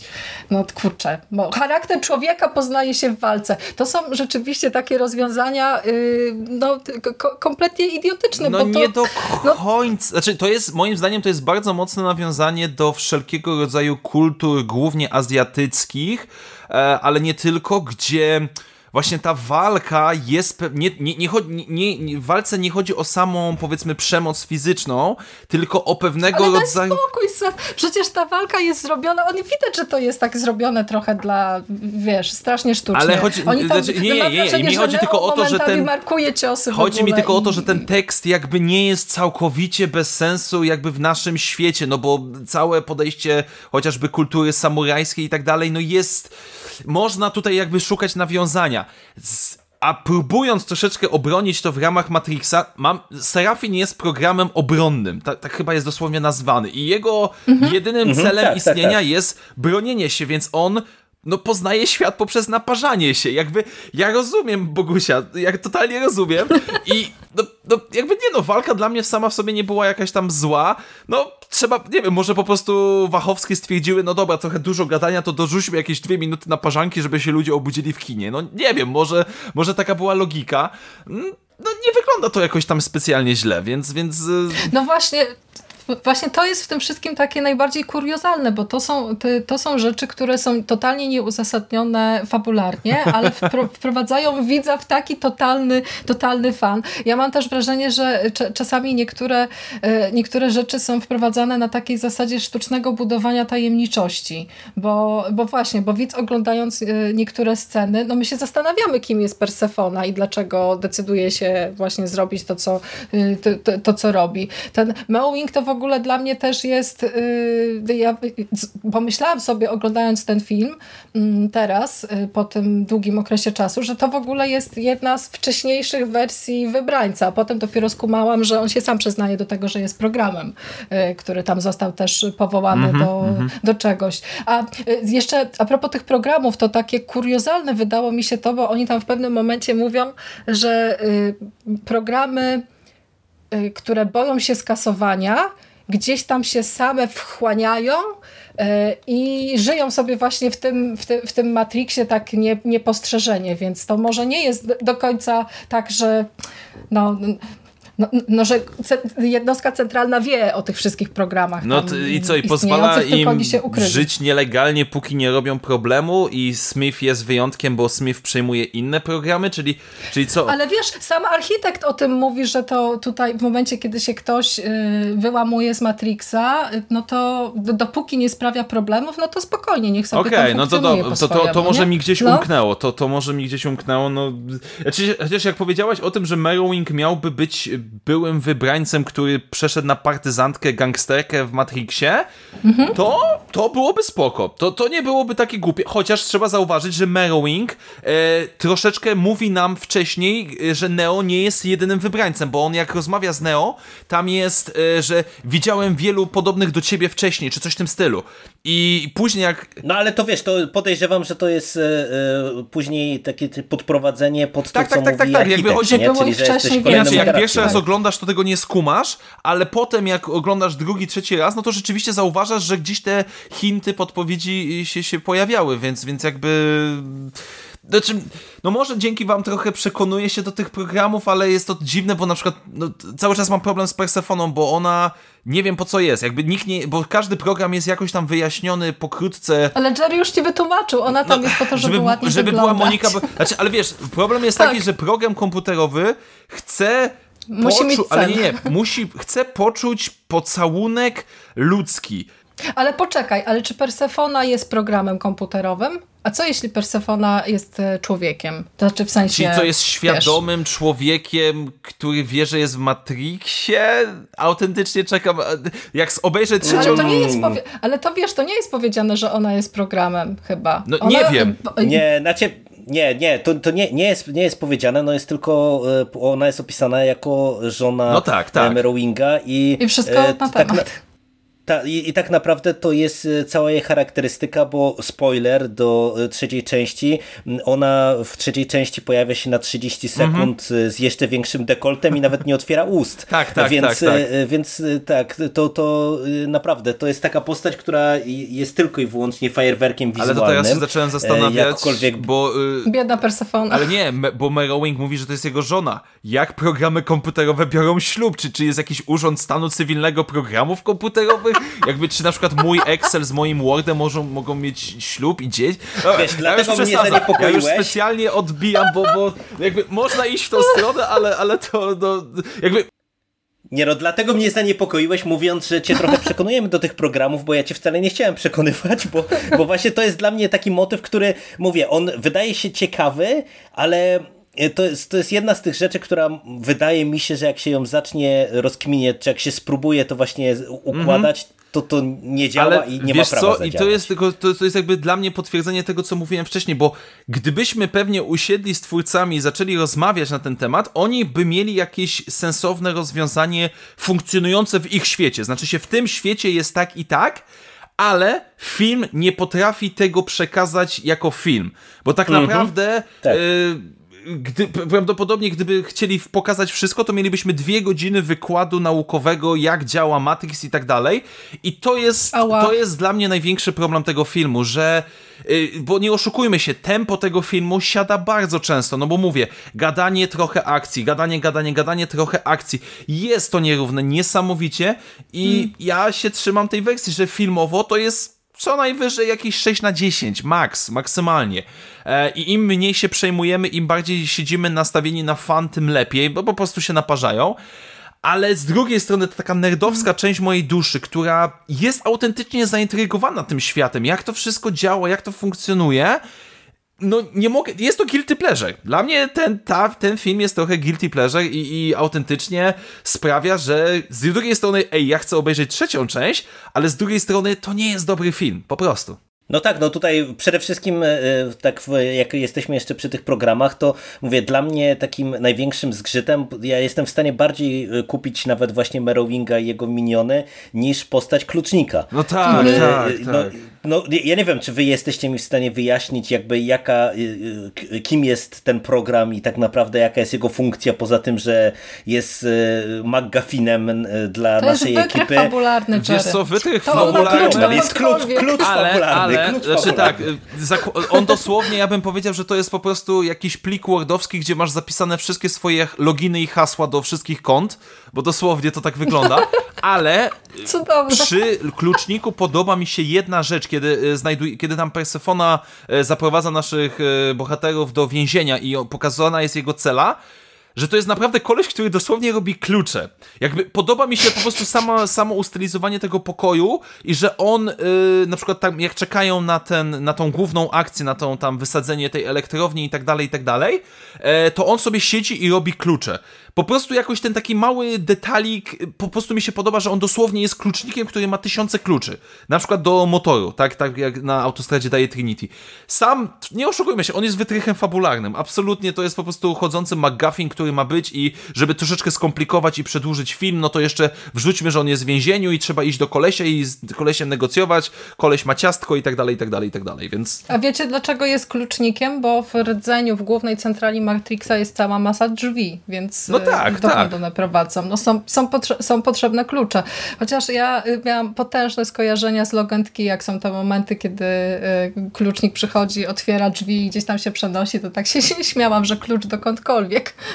No, tak, takie, tak, tak. Takie, takie uproszczenia i takie rzeczy to też, y, to też sprawiają, że ten film jednak coraz słabiej się w, w moim odczuciu broni. Chociaż jest też jeszcze jeden czynnik, który sprawia, że ta produkcja wykłada się i jest to chemia między bohaterami. Ja muszę powiedzieć, hmm.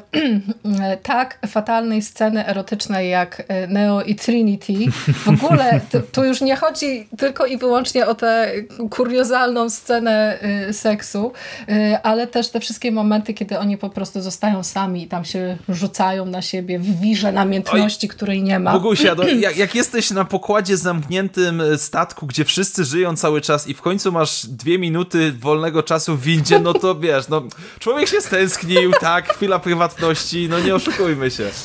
Na pewno nie zrobiłabym tego w taki sposób jak oni. Ale wiesz to nie, tutaj y, ja, ja bym powiedział, że mm, ten brak chemii y, y, jest wyczuwalny, ale to wydaje mi się, że dlatego, że niestety, e, ale no Keanu, tak jak rozmawialiśmy wcześniej przy jedynce, no on jest takim aktorem apatycznym no tak. w swoim aktorstwie. No i umówmy się, on niespecjalnie wydaje mi się dobrze wypada tutaj w tych mm, sekwencjach. Natomiast co do, do tej sceny erotycznej, to ja z nią największy problem mam nomen omen y, przy jej finale, y, bo y, Ciemność dla mnie dookoła łóżka? Z, nie, nie, nawet nie to, tylko e, takie spuentowanie e, orgazmu Trinity e, snem, kiedy ona umiera, to tak stwierdziłem, że nie wiem, czy, nie, nie wiem, czy to miało być jakieś takie nawiązanie, że orgazm to mała śmierć, jak to się mówi, czy okay, coś tam. chyba nie o to chodziło.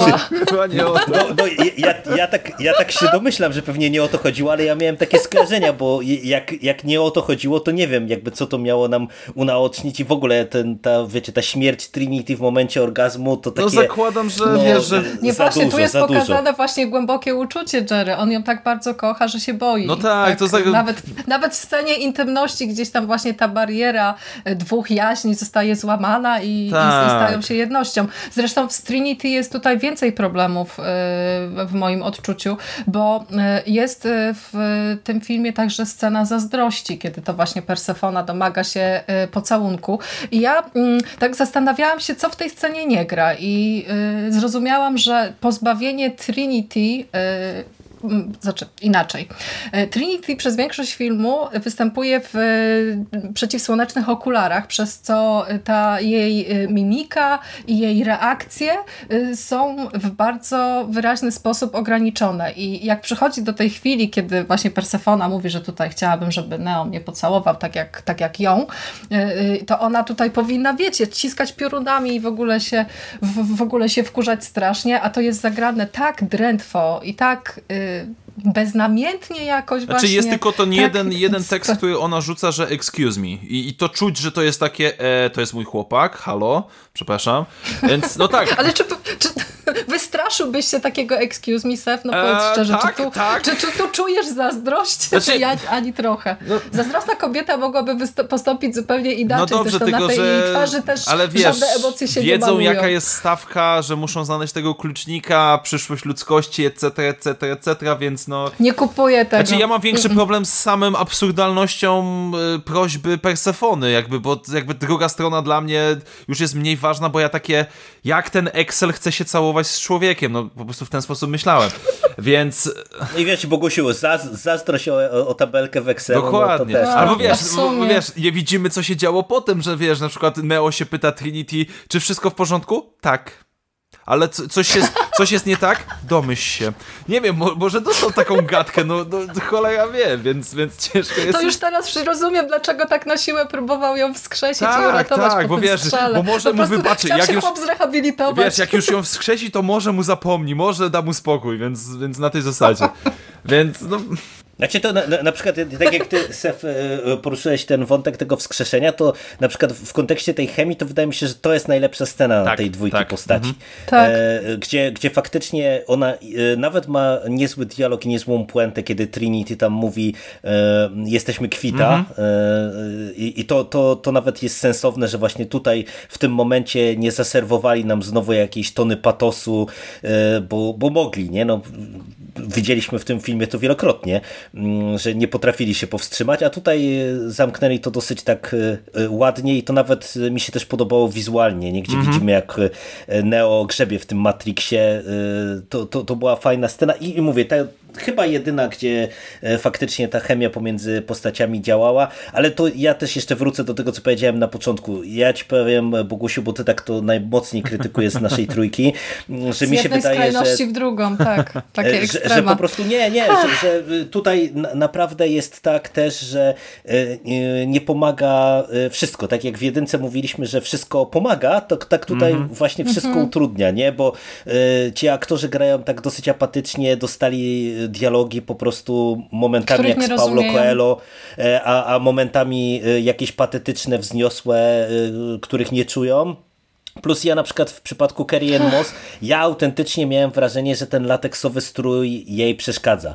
E, nie wiem, kto jakby e, postanowił ją wcisnąć w ten jednoczęściowy lateks, e, ale ja naprawdę w każdej scenie w Matrixie, e, gdzie te sceny walki z nią z jedynki wypadają super, tak tutaj miałem autentyczne poczucie, że aktorka się męczy i że jej to nie leży e, dosłownie w przynośni, nie? I, I to są takie, wiecie, drobne decyzje, które później ważą na odbiorze niektórych e, tych, tych sekwencji, no bo, no bo wiecie, jak e, nie ma chemii, dialogi są Jasne, jakie tak, są, tak. e, nie, czuje, nie czujesz się w To kostiumie. nawet najlepszy pomysł bo- wypada blado.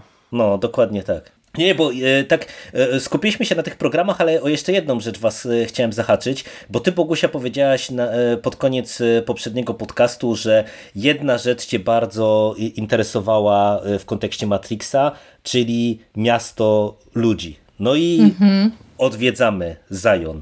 Jak wam się podobał cały ten ludzki świat? No bo to jest coś, czego no można było się spodziewać w sequelach, Ale czy y, dostaliście tego, y, czego się spodziewaliście, czego oczekiwaliście? Czy wam się to podoba? Taka wizja właśnie Zajonu jak, jako tego takiego miasta wielomilionowego wręcz. Nie, nie, nie, nie. Gra wam ta wizja? stop. Muszę tylko poprawić, nie wielomilionowego, bo 250 tysięcy mieszkańców. Jest, Skąd jest, wiesz? Przepraszam. jest powiedziane. Tak, tak. Dobrze, musiał. Tak? Tak, jest Okej. powiedziane w filmie. Tak, tak, tak, bo jest powiedziane, że jest jeden, jeden do jednego, jeżeli chodzi o te mątwy. Tak.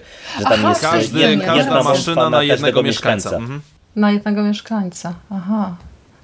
No dobrze, wizualnie Zion jest przepiękny. Szalenie podobała mi się taka właśnie taki powrót do korzeni, do tej surowości, bo mm, y, on jest zrobiony właśnie fenomenalnie przez użycie tych y, jaskiń. Y, te stroje są właśnie takie, takie pierwotne, wszystko właśnie jest takie wyprane z technologii. Bębny nawet są, żeby było jeszcze Bębny bardziej są, pierwotne. Właśnie, tak, tak. I, to, jeśli mm, krytykuję scenę y, seksu Neo z Trinity, y, tak, y, na pewno będę jedną z osób, które mm, będą chwaliły techno imprezę w Tak, Zionie, tak. bo to jest dla mnie naprawdę jeden z bardziej intensywnych, niesamowitych y, momentów tego filmu. Ja naprawdę czuję tę wspólnotę, y, pa, patrząc No, na tych strasznie sensualna jest ta Tak, scena. tak. Przepięknie jest, wiecie, te użycie wody gdzieś tam, te włosy, bose stopy w tym błocku, to wszystko jest właśnie takie sensualne, a jednocześnie bardzo erotyczne. No, E, Te t- ruchy tańczących aktorów mają w sobie więcej seksu niż e, nagi Keanu i Kerry. ale to... Mm, A, Ja tutaj chciałbym zaznaczyć jedną rzecz, bo też jak właśnie analizowałem i wiem, że ta scena wielu os- dla wielu osób może się wydawać zbędna, czy, czy w jakiś sposób, ale, Absolutnie ale, ale wie, nie. właśnie o co mi chodzi, bo jak popatrzymy sobie powiedzmy z perspektywy trzech filmów, to jest pierwszy raz, jak widzimy ludzki aspekt tego świata, bo do tej pory mamy albo Matrixa, albo mamy tę zamkniętą przestrzeń statku, albo surowy metal, czy jakieś jaskinie. Tutaj mamy pierwszy raz żywy kontakt ludzi z ludźmi, którzy po prostu są ludźmi, którzy wiedzą, że za, nie wiem, tam 24 godziny zaatakują maszyny, którzy mają emocje, którzy mają tą seksualność, którzy czują, jak mamy te zdjęcia stóp uderzających o ziemię, to jest to ludzki dotyk, to nie jest ta maszyna, która po prostu widzi wszystko kodem, tylko mamy te nasze uczucia i to jest taki świetny... y, mm, Świetna scena, która właśnie pokazuje tą drugą stronę konfliktu. To, jak bardzo ci ludzie różnią się e, względem maszyn. I, I dla mnie to jest, to jest. Kiedyś pamiętam, że tak dla mnie była okej, no spoko, techno, tańczą i tak dalej. Teraz zupełnie inaczej na to patrzę. I jest to naprawdę coś, co ma sens, co jest potrzebne, bo w pewien sposób po tej scenie rozumiem, o co jest stawka, czym się ci ludzie wyróżniają, jest to podkreślone i jest to naprawdę dobrze, dobrze zrobione. A jednocześnie jest to też trochę skonfrontowane z tymi strukturami, które tak wszyscy ludzie uwielbiają, czyli z tym całym politykowaniem Tak, i z, tak. tym, z tą walką o wpływy, bo te wszystkie rozmowy mm, senatorów i to opowiadanie się po jednej ze stron, bo może Morfeusz ma rację, a może nie, a może to, a może tamto, y, to jest rzeczywiście wszystko tak, tak bardzo ludzkie. No ale nie? też, tak, też tak, właśnie tak bardzo... teoretycznie tańczy, pokazanie tego tańczenia i tak dalej jest pokazaniem czegoś, co nie jest niezbędne, co nie jest logiczne, tak? No bo maszyna nie będzie tańczyć. Co jest po prostu potrzebne, Jest po nie? prostu ludzką rzeczą, która jest. jest. Jest ten pociąg do innych osób, jest pociąg do zabawy, jest pokazanie tego, więc dla mnie scena naprawdę jedna z lepszych w tym filmie. Ja miałam też początkowo taki problem, jak ten film się rozpoczął i zaczęłam y, patrzeć na to, że ten świat jest poszerzany o całą masę bohaterów, to ja się w paru momentach zaczęłam gubić, y, bo napakowanie tego wszystkiego i mnogość tych osób, które się pojawiają, to ten gada z tamtym, tu się pojawia tam ktoś inny, mm, ale tak sobie pomyślałam, że to jest też y, dobry właśnie zastrzyk takiej świeżej krwi, takich nowych bohaterów, jak na przykład Link czy czy Niobę. Bardzo mi się podobają ci bohaterowie, to od razu powiem. O, Link jest w ogóle świetny i te jego takie naturalne reakcje. Mhm. E, on jest takim prawdziwym, prawdziwym geekiem, który się cieszy, jak coś tam, jak coś tam widzi. E, potrafi skrytykować Neo za to całe jego fruwanie zupełnie, zupełnie bezcelowe. Mm, jednocześnie oni też budują komórki rodzinne. Nie? Tak, Widzimy tak, tak, Linka tak. z ukochaną, więc to tak jak wspomniałeś w pewnym momencie, że tutaj widzimy te stawkę, o którą będzie się toczyła walka, no to ja absolutnie się pod tym podpisuję. Nie? Zyjon mm, też jeszcze zachwycił mnie y, tym, tym użyciem technologii i tych y, maszyn obronnych. To dostaniemy w trzeciej części trochę więcej tego, bo y, cała ta struktura obronna Zyjonu, my wydzieliśmy tutaj raptem mały Zapowiedź. Mhm. Tak, tak, ta brama wielka, przez którą właśnie wlatują, e, wlatują te statki i, jeden czy tam dwóch strażników i te, te, te, wszystkie armaty, które będą strzelać do, do, do tej armii robotów. Ja już nie mogę się doczekać znaczy, ja to, ja, ja tutaj tej lojalnie uprzedzę zarówno was, jak i słuchaczy. Już teraz wyznaję swoją całkowitą miłość do tych y, me mechów, masz. do tych mechów, do tych kombinezonów bojowych, bo to jest jedyna rzecz, którą naprawdę dobrze pamiętam za dzieciaka z oglądania oglądania, bo dla mnie to jest design tak cudowny, tak piękny, więc w mhm. następnym podcaście, drodzy słuchacze, będzie dużo zachwycania się mojego e, tym z tym. Ja, ja, ja pewnie przygotuję pełną analizę, dlaczego ten kostium jest rewelacyjny, więc szykujcie się na to. Od razu ostrzegam. trochę vibe obcy, nie? Trochę vibe jak tak, ale, ale, ale, ale, to jak Aha. potem, dobra, już nie będę, bo to jak w trzeciej części ci żołnierze ze sobą współgrają, to jest, a dobra, dobra, okej, okay, już, już, dobra. Ty się naprawdę cieszysz na ten seans. Ja się cieszę, jakby, ja wiem, że to nie będzie dobre filmowo, tak samo jak dwójka, ale no jest w tym jakaś radocha, no jest o, coś. Znowu, znowu spoiler, nie nastawia się, nie nastawia się tak negatywnie, bo, bo, filmowo, bo filmowo moim zdaniem trójka jest lepsza. Zobaczymy, dobra, dwójka, za, za, za chwilę będę oglądał po, po kończeniu tego podcastu, więc, więc, więc zobaczymy. Natomiast jeszcze ja mam jeszcze jeden aspekt, bo trochę zacząłem to sobie analizować i nie jestem pewien, bo e, po scenie z architektem, która sama w sobie jest nieźle przemyślana, z tymi ekranami, z tymi mhm. dwa drzwi, dwie, dwie pary drzwi i tak dalej, i tak dalej, zacząłem się tylko zastanawiać i nie jestem pewien, czy dobrze rozumuję, bo przyszło mi do głowy, po co właściwie jest cała gadka z tym kolejnym resetem Matrixa. Jakby, bo Neo ma wybór, że albo giną wszyscy, a, albo y, tam 23 osoby czy ileś przeżyją z tobą i wy od nowa zaczniecie budować Sion i tak dalej, i tak dalej, i tak dalej. Po co maszyny to robią? Jakby nie jestem w stanie zrozumieć do końca, po co w ogóle, czemu nie mogą znaleźć tego Syjonu raz, a porządnie, wybić wszystkich ludzi i po prostu stworzyć Matrixa tak, że on nie jest idealnym światem i, i, i ci ludzie są tymi bateriami. Ale wiesz to, tutaj akurat ja to w miarę kupuję. Ale nie, właśnie, bo nie, nie sensie... jestem w stanie zrozumieć, jakby nie, nie widzę po co. Ale to, to, to, to ci powiem. Znaczy, mi, mi się wydaje, że to jest po prostu e, trochę e, jak e, z kontrolą populacji w jakiejś małej grupie, że łatwiej im jest jakby kontrolować właśnie tę anomalię, no bo architekt też mówi, że to Neo jest anomalią, której on nie jest w stanie wyeliminować. Mhm. Więc wiadomo jest, że ona się będzie pojawiać, ergo cały czas jakby będzie, zakładam, Aha, dochodziło, no czy tak. dochodziło w przeszłości do, do wybudzeń y, ludzi i jakby powodowało to wszystko to, że wiesz, Więc, że ta anomalia okej. nawraca, żeby le- nie? Więc lepiej, żeby te wybudzenia były kontrolowane w danej przestrzeni. Tak, dokładnie. Okej, dobra, Tak, dobra, dokładnie dobra, tak, okej, dokładnie okej. tak. I wiesz, i, i ja raczej, raczej to czytam w ten sposób, nie, że oni wolą to zrobić na małej, ograniczonej populacji, bo wiadomo, że jak tam masz te 20 osób, to zanim oni No. odbudują e, miasto, no to wiesz, to Oczywiście to, to rodzi kolejne tak pytania, ale dobra, już nie będę na zasadzie jak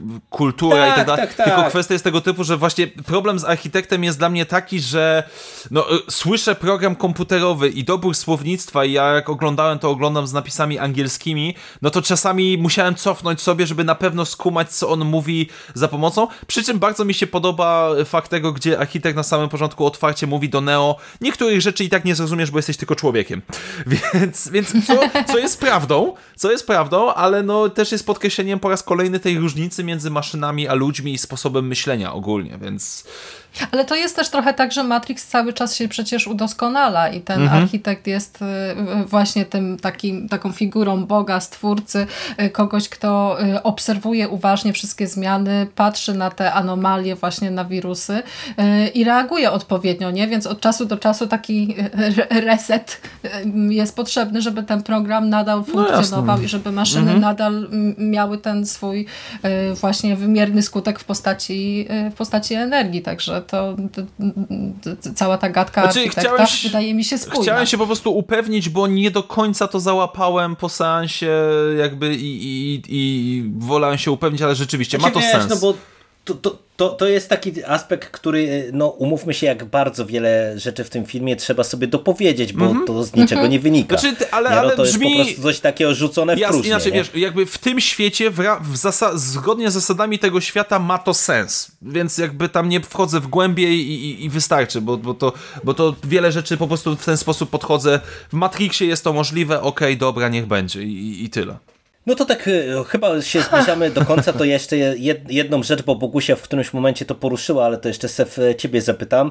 E, W zasadzie ta dwójka bardzo nam otworzyła świat e, w kontekście też poszerzenia całej ekipy aktorskiej i wprowadzenia dużej ilości bohaterów. I po stronie Matrixa, tak jak mówiliśmy o tych wszystkich programach, e, i po stronie ludzi, e, czyli wszyscy kapitanowie i ich załogi. Mm, Jak wam się e, ten aspekt podobał? Bo to w sumie e, wydaje mi się, że to wpływa też e, właśnie na dwójkę w kontekście tempa, e, tej ilości właśnie dialogów, no bo tutaj trzeba powprowadzać bardzo dużo tych postaci jakoś kupujecie to, to wszystko?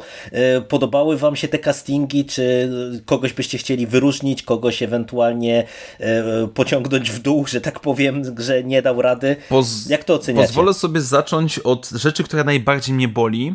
Dlaczego nie mamy tanka? Dlaczego operator y, Nabuchodonozora został zmieniony? Znaczy się, bo gdzieś tam między dialogami możemy zrozumieć, że on zginął, e, Zginął, zginął. ale pomiędzy pierwszym a drugim Matrixem i zakładam, że na przykład, nie wiem, Pół roku. ani Matrix, czy jakieś inne źródło to wyjaśnia, bo jakkolwiek Harolda Perinę lubię, między innymi za Sons of Anarchy, jakoś wolałem tamtego aktora, bardziej wolałem Tanka w, w poprzedniej wersji, znaczy, bo to jest inny postać, tak, to jest inna postać, ale Tank jakoś bardziej mi podchodził tym swoją aspektem, chociaż Link jest jak najbardziej w porządku. Z Niobe jest, Kasa. tak, z Niobe ja mam problem, Kasa. tak, aha, kasa. Z, z tankiem. okej. Tak, ta kasa. Nie, no aktor, aktor zażądał z tego, co czytałem, y, dużo wyższej stawki, a oni mu powiedzieli nie. Ach, I, I na tym no się skończyło. I po prostu zrobili. Dobra, ja mam wiesz, inną perspektywę, zrobić więc- Re, re, Ale bez recasting. sensu, ale na tysiąc statystów to mieli kasę, bo w tej scenie w Zyjonie, jak oni tańczą, to tam Ale e, właśnie wiesz, w materiałach statyści- dodatkowych usłyszałam, że tak, tysiąc Ale statystów. statyści i to tam wiesz, heja. Ale 50 wiesz, to- dolarów, czy nawet mniej za dzień i dziękuję bardzo. No, więc- dokładnie. więc- To Frajda, jesteś na planie, jesteś Matrixa, na no planie i Matrixa. jeszcze sobie no, no, potańczysz to- w fajnym towarzystwie, nie? A, wszy, a, A, a tutaj no. myślę, że po prostu to, to było pewnie tak, że nie chcieli też stworzyć precedensu. Nie, nie, no, nie, bo to nie znaczy jest to wyjaśnione fabularnie, tylko pro, bo jakoś tamten aktor bardziej mi podchodził. Z Niobe mam Mhm. ten problem, że ona jest też takim troszeczkę NPC-em y, Deus Ex Machina z ratowaniem Morfeusza na autostradzie i tak naprawdę jedyną cechą jest to, że jest byłą dziewczyną Morfeusza. I trochę to jest takie. Ona ma być wtedy, kiedy Morfeusza trzeba troszeczkę popchnąć do przodu, gdzie trzeba mu pomóc i, i tyle. Może gdybym zagrał w grę komputerową, bo planuję, to jakoś bardziej by mnie przekonała, ale tak sama z siebie to tutaj yy, powiedziałbym szału nie ma.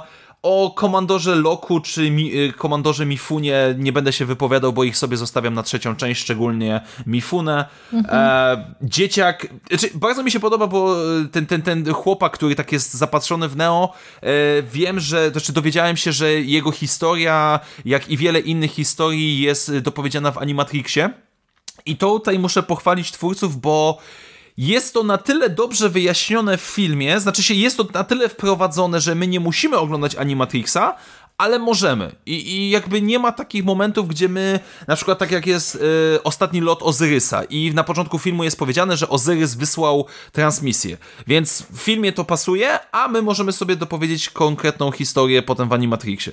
Więc jeżeli chodzi generalnie o aktorów, jest w porządku. Jakby drugi plan, y, bo to zazwyczaj są aktorzy drugoplanowi, daje radę, nie ma tutaj nikogo bardzo złego, nie ma kogoś bardzo wybitnego, no może poza tą Niobek, ale to jest problem scenariusza, a nie aktorki. No niewykorzystanym potencjał Moniki Bellucci, no ale to już o tym wspominaliśmy.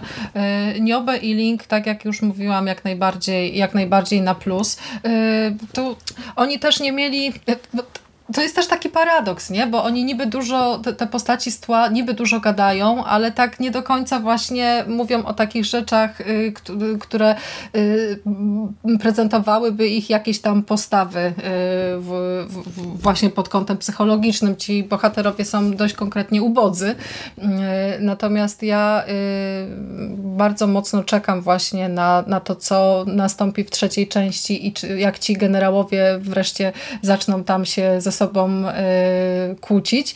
E, a jeszcze ten wątek trójkąta z Morfeuszem i z Niobę, to to może też być bardzo fajny element rywalizacji między właśnie tymi dwoma męskimi bohaterami, rywalizacji o kobietę, o wpływy.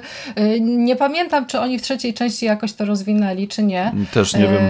Ale to też, znaczy... te, te, też jestem właśnie ciekawa, jak to rozwiążą. Ale dla mnie to hmm. było takie trochę strasznie, że tak powiem, ale no inaczej, wiadomo, high, klisze, a to było klisze, takie high schoolowe, bo e, ona po prostu była kiedyś z Morfeuszem, który nazwijmy jest amerykańskim hipisem, ale potem zaczęła być z kapitanem zespo tego futbo zespołu futbolu amerykańskiego, ale teraz ją znowu ciągnie do hipisa. Jest to takie meh, bardzo, bardzo podstawowe i no jakoś absolutnie mnie to nie interesuje, powiem szczerze. No to ja akurat y, aktorsko, y, jakbym kogoś miał wyróżnić, to y, mi bardzo się podoba Lambert Wilson jako Merowing. Ta postać nie ma sensu, no tak.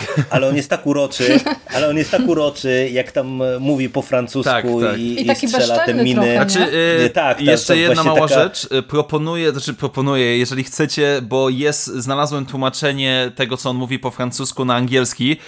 E, no to powiedzmy zdanie składa się z 14 słów i autentycznie chyba 10 czy 11 to są przekleństwa. I to jest taka wiązanka, że... I tu się z nim zgodzę, że to jest jak wycierać sobie tyłek jedwabiem. To, to, to po prostu. Więc, ale tak, sam aktor... No, mi się wydaje, że on troszeczkę po prostu poszalał na zasadzie dobra, mam grać dziwnego tak. francuskiego kolesia, dobra, no to mhm. gram Francuza, nie? Gramy. Ale, ale właśnie dlatego mi się wydaje, że na niego tak dobrze się patrzy, że to jest w tym filmie mam wrażenie, że to jest jedyna osoba, która autentycznie miała frajdę e, z przebywania na planie. Przynajmniej ja to tak Jeszcze bym dodał... Nie, bliźniacy jeszcze. Bliźniacy? Bliźniacy ale jeszcze. dodałbym mhm. jeszcze Hugo Wavinga, bo mi się wydaje, że te niektóre one-linery, tak, tak, o których tak, tak. Bogusia mhm. mówiła, mój ulubiony to jest o Boże, Smith wystarczy. E, mi się wydaje, że niektóre z tych rzeczy mogły być improwizowane przez niego, bo on po prostu się bawi, on po mhm. prostu mhm. wydurnia się i, i to czuć i to jest fajne. To, to jak najbardziej działa.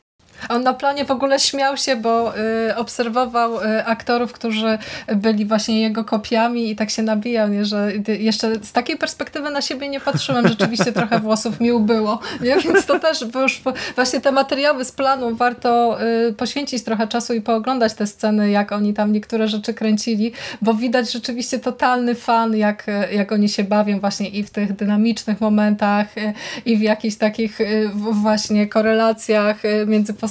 To są naprawdę super, y, super sceny, y, które trochę jednak tracą w tej postprodukcji, bo Keanu Reeves w scenie walki ze Smithami wypada strasznie wolno, a jak pokazywał te gesty przed kamerą właśnie w materiałach dodatkowych, bo on tam w jednym ujęciu wykonuje 25 machnięć, mhm. takich różnych figur i kopnięć, to to, to wypada naprawdę, naprawdę czadowo i widać, że to sprawiało im fan, potężny fan. E, a jeszcze z, tej, z mojej perspektywy jeszcze powiem, że ta walka w holu jest w ogóle też e, ciekawą, ciekawą sceną, jeśli ktoś jest fanem e, broni białej, bo tutaj już mamy trochę mniej tych pistoletów. Neo pozbywa się tych prostackich no tak. tam, gnatów na rzecz właśnie takiej klasycznej, wyrafinowanej broni białej. I jeśli kogoś interesują takie, te, takie rzeczy, to polecam popatrzeć po ścianach właśnie jakie tam mhm, perełki mhm. w tej zbrojowni Winga się z, znajdują, bo to jest naprawdę no, fa, fajna scena i oni potrafili, posługi, potrafili posługiwać się wszystkimi tymi broniami, więc to też pokazuje skalę przygotowań. Tam, e, przygotowań. 8 miesięcy treningów, oczywiście masa kontuzji też ich tam e, dopadła, ale no, efekt jest e, naprawdę spektakularny i się broni nadal. Ta scena walki w holu jest chyba jedną z moich ulubionych po, po, tej autostradzie, bo autostrada też pomimo jakichś tam właśnie problemów z tymi nakładkami, bo ja już tam widzę, że e, w paru momentach efekty praktyczne zostały zastąpione komputerowymi, mhm no to mimo wszystko jednak ta scena y, wygląda fajnie. Cały czas. A jeszcze dodałbym taką ciekawostkę, którą gdzieś tam wyczytałem na samym początku, ta scena, która tak Jerry tobie za bardzo nie podchodzi. E, ostatniego, mhm. chyba czy przedostatniego mhm. strażnika e, Trinity, e, że tak powiem, załatwia, e, to się nazywa Scorpion Key, gdzie ona tą nogę tak wymakuje tak, do tyłu. Tak, tak, to jest mhm. potwierdzone, że ona to zrobiła na żywo. To nie jest jakiś efekt komputerowy, tylko że ona właśnie te 8 miesięcy ćwiczyła, przy okazji mhm. łamiąc sobie tam nogę, czy rękę, czy coś w tym stylu E, żeby być w stanie na żywo to zrobić, więc, więc jakby no, to też jest zawsze fajne, bo jakkolwiek mogę, możemy krytykować ten film, to zawsze mi się podoba fakt tego, że aktorzy starają się, robią to i, i jest po prostu ogólna zgoda, że dobra, dajmy z siebie 120%, żeby dostarczyć to na żywo, no, no bo teoretycznie można na to w ogóle nie zwracać uwagę, ale sam fakt tego, że ktoś się do tego aż tak bardzo przykłada, no tak. daje taką radochę. Nie zmienia oceny filmu, nie oszukujmy się, ale po prostu daje jakieś takie poczucie, że komuś zależało.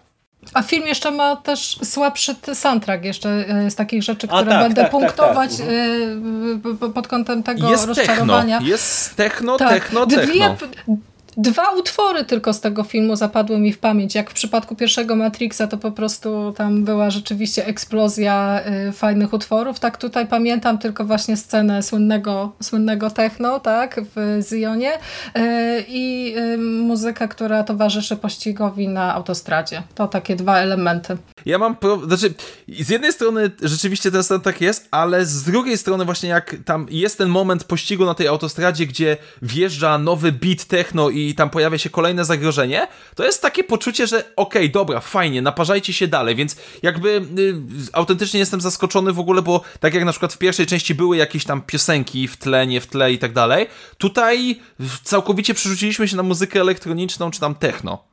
Nie ma chyba żadnej śpiewanej, no to, to... Nie, nie kojarzę w ogóle, żeby coś nie, było. Nie, ma, nie ma. Nie ma, nie ma. Nie ma. Bo, I to jest tak, że y, jak jesteśmy przy soundtracku, to mnie to zdziwiło, bo y, był soundtrack wydany i tam oczywiście znowu jest y, dużo t, t, takich zespołów i piosenek dobranych w stylu pierwszego filmu, bo tam jest znowu Marilyn Manson, Rob Zombie, mhm. Deftones, czyli zespoły powtórzone. Pojawia się Linkin Park mhm. na soundtracku, który był wtedy bardzo modny, znów Rage Against the Machine i tak dalej, i tak dalej, ale właśnie tak jak mówicie, dla mnie to było akurat duże zaskoczenie, bo ja zakładałem, że te piosenki są w filmie, a tu nie ma. Nie, tu, tu jest tylko ta mhm. ścieżka dźwiękowa elektroniczna. Ona jest niezła, ona nieźle napędza akcję, ale ale jest taka, powiedziałbym, płaska. Nie? Mhm, Jednak tak, ta, tak. ta ścieżka dźwiękowa przez to, że te piosenki były wykorzystywane w pierwszym e, Matrixie, to też jest mm, e, inny odbiór wielu scen, bo po prostu my kojarzymy niektóre utwory z e, tymi sekwencjami, a tak naprawdę no tutaj nie ma, nie? Tak to się wszystko mm, bardziej, bardziej zlewa, mhm. mam wrażenie. No, ta ścieżka dźwiękowa chyba w ogóle nawet była na dwóch płytach wydanych. Tak, na dwóch płytach, tak, bo ona tak, półtorej godziny i, miała, tak. nie? Aha, i to muzyka instrumentalna Dona, Dona Davisa, która jest spoko, jest w klimacie. Akurat do, do, do, do, jego utworów nie, nie będę się miała tutaj do czego przyczepić. Trochę mi brakuje tych piosenek. Ja tak właśnie nawet, mhm. nawet czekałam na jakiś taki moment, kiedy właśnie utwór zleje mi się ze sceną. Ja bardzo często tak mam, że, że, że mi się robią w głowie takie sklejki mhm. i potem jak gdzieś trafiam na piosenkę, to potrafię sobie właśnie kadr po kadrze daną scenę przypomnieć. Tutaj no, trochę trochę mi tego y, zabrakło i y, to też będzie rzutowało y, na moje wspomnienia związane z tym filmem, które jednak będą chyba bardzo, bardzo średnie. Tak, z tej, z tej, z tej recenzji właśnie teraz jak tak rozmawiamy, to ja tak chyba głównie narzekam, ale to też to, je, to jest jednak rozczarowanie. To jest jednak potężne rozczarowanie, bo mam wrażenie, że oni mogli w sobie w, w sumie niektóre z tych rzeczy zaprezentowane w tym filmie trochę darować i przejść od razu właśnie do do, te, do, tego, do tej konkluzji, do tej walki o Zyjon, od, do tego szturmu maszyn na ostatnie, ostatnie ludzkie miasto. Na to czekam. No to, to, no to y, myślę, że to sobie wrócimy i podyskutujemy y, o tym przy trzecim mhm. filmie tak naprawdę, bo y, ja już widzę, że popełniłem błąd, że, że obejrzałem trzeci film przed tą dyskusją, bo ja już bym tu wybiegał za bardzo w przyszłość przy niektórych rzeczach, które, które mówicie. No, nie, to też także to myślę, że to już, już wkrótce. Oglądajcie tak. i sobie pogadamy. Mm, a y, jeżeli chodzi o y, Reloaded, y, to w zasadzie chyba główne wątki wydaje mi się, żeśmy poruszyli. Czy coś jeszcze wam tutaj się e, rzuca e, w oczy, uszy, co chcielibyście wyróżnić? Bo ja jeszcze tak chciałem e, chwilę przy Oniobę powiedzieć, ale już stwierdziłem, że ja ją jeszcze trochę rozwinę może przy trzecim filmie. A, czyli będzie, bo czyli ona będzie. ma tam też będzie, będzie, będzie i ona tam ma większą rolę. A, przypomniałem już sobie, przypomniałem sobie, co ona będzie w trójce robiła. Dobra, okej. Okay. No, no, to, to, to, to Ej, teraz ja nie, nie będę. Nie będę Dobra, rozwijał no. tutaj y, wątku tej postaci, już tam y, ją hmm. upieczemy tak jak kapitana Mifune y, na jednym ogniu tak przy jest. trójce, że się tak wyrażę. Mm, no ale mówię, coś jeszcze tutaj chcielibyście ja? Ja już mogę przechodzić jak, do podsumowania, bo dla mnie, ja już, już mnie kusi, żeby podsumować, bo piekło jest dobrymi chęciami wybrukowane. I to jest mój wniosek z tego filmu, bo widać, że jest dużo pomysłów, widać, że jest dużo uczucia do tego świata, do tego konceptu. Tylko nie wiem, czy to po prostu yy, twórcy za bardzo się podjarali, czy siostry Wachowskie po sukcesie jedynki po prostu stwierdziły, no to teraz wszystkim wam wytłumaczymy o co tak naprawdę chodzi i napisały scenariusz 400-stronicowy, gdzie 300 to jest e, tłumaczenie Matrixa. E, bo z jednej strony jest to intrygujący, wciągający świat z konceptami mniej lub bardziej głupkowatymi, ale które mnie interesują, ale z drugiej strony jest to po prostu zapakowane w średni film. Co najwyżej średni film, bo nie, nie twórcy nie byli w stanie przenieść e, konceptu, zamysłu po historii na kanwę, e, powiedzmy, na kanwę filmową. Gdyby to było wydane w formie komiksu, książki, prawdopodobnie byłoby tysiąc razy lepsze ale niestety tutaj nie do końca to się zgrywa, co nie zmienia faktu, że jak już przełknę to, że to jest średni film, daje radochę, bawi, po prostu, na takim zwykłym, prostackim poziomie, ale daje te momenty, które najzwyczajniej w świecie zadowalają i mimo wszystko daje tutaj trochę jakiejś takiej rozkminy, nazwijmy to filozoficznej, która nawet jakoś mnie tam zaintryguje. No, ja nie będę jednak taka, e, taka optymistyczna jak, jak ty. Ja jednak e, nadal podtrzymuję to, co tak jak ten film pamiętałam, że jest to rzeczywiście konkretne rozczarowanie. Oni sobie sami wywindowali pod poprzeczkę tak wysoko, że nie byli w stanie tego przeskoczyć, chociaż bardzo się starali i jest tutaj rzeczywiście kilka mm, kapitalnych pomysłów, których nie będę się absolutnie, absolutnie czepiać. Ta wizja świata, to może, może rzeczywiście byłoby to nawet lepsze, gdyby zamiast całego tego durnego wprowadzenia, gdybyśmy dostali takie właśnie rozszerzone uniwersum w postaci jakiejś książki albo komiksu, e, tak jak ten, ten Animatrix na przykład, coś co by nam prezentowało ten świat, bez e, właśnie konieczności zanudzania widzów niektórymi, niektórymi elementami. Matrix e, nadal jest takim tworem popkulturowym, który fascynuje tym, że działa na tak wielu poziomach i rozrasta się na takie przeróżne właśnie aspekty popkultury, jak filmy animowane, komiksy, gry. I to jest też e, z perspektywy tego drugiego filmu fascynujące, że to wszystko zbiegło się w czasie, że oni e, mieli tę koncepcję tak bardzo złożoną, e, że nie byli w stanie zaprezentować wszystkiego właśnie w tym, w tym jednym filmie, chociaż bardzo się starali. Wyszło z tego dzieło, które mm, cierpi na przerost formy e, nad treścią. E, jest rzeczywiście takim e, cukiereczkiem opakowanym w kolorowy papierek, który właściwie no, daje rzeczywiście odrobinę radości, jak już się tam tę folikę rozdziera i, i, i, i się go smakuje, ale potem pozostawia właśnie takie uczucie pustki, takie uczucie niedopowiedzenia, takie uczucie urwania właśnie w tym momencie, mm, który jest właśnie taką chwilą, że chcielibyśmy dalej i dalej, bo y, to, co nam zaserwowali na początku było nudne. Bardzo czekam na trzeci film, y, na ten seans, y, aż jestem właśnie sama zaskoczona, że po takim słabym drugim filmie jestem tak tak bardzo potrzebuje spuentować tę historię. E, to jest coś, co mm, jest trochę inne w stosunku do tego pierwszego seansu, kiedy rzeczywiście porzuciłam Matrixa na bardzo, bardzo długo. To teraz e, chcę zobaczyć, czy się zrehabilitują, czy tym trzecim filmem e, poprawią błędy z dwójki, czy gdzieś tam to, to wizjonerstwo i filmowe bariery nie przesłonią im historii, którą myślę, że mieli jednak mimo wszystko do opowiedzenia. Te ich fascynacje kinem kinem azjatyckim, e, anime, e, tymi właśnie jakimiś e, motywami z science fiction. To wszystko jest tutaj odczuwalne, ale ubrane rzeczywiście w całą masę niepotrzebnych, niepotrzebnych słów. Czekam na trzeci film, oby okazał się lepszy niż ta reaktywacja. Tak właśnie bym chciała bardzo. No, y, ja wam powiem, że y, miałem mieszane wspomnienia co do tego filmu i po seansie te mieszane wspomnienia y, zostały zachowane.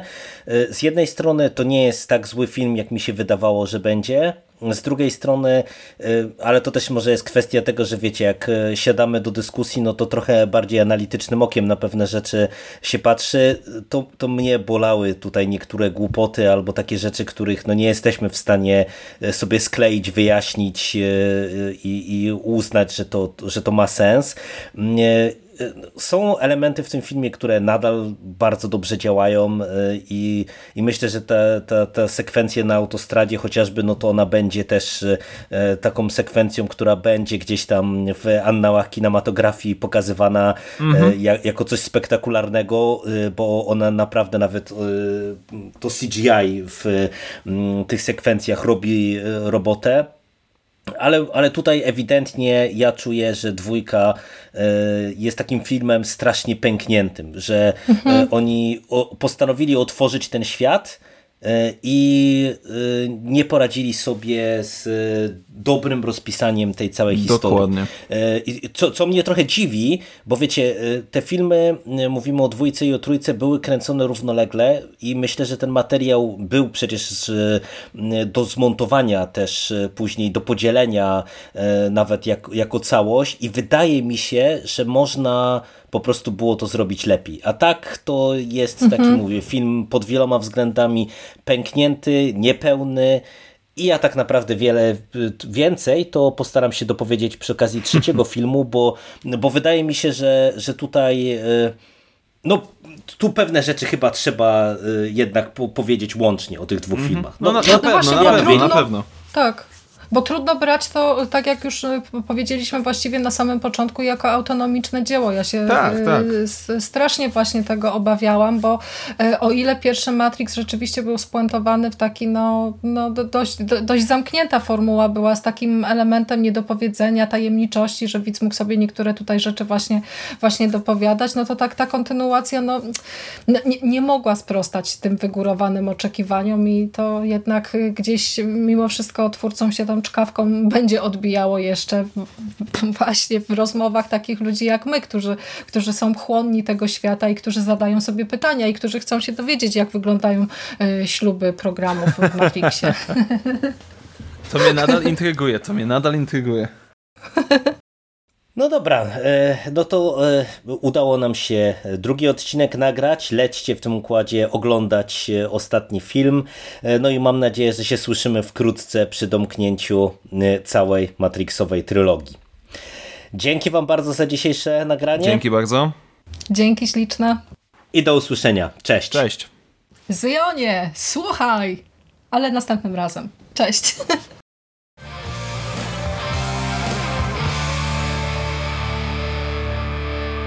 finished? That's it, man. Game over, man. It's game over. What the fuck are we gonna do now? What are we gonna do? It's over. Nothing is over! Nothing! You just don't turn it off!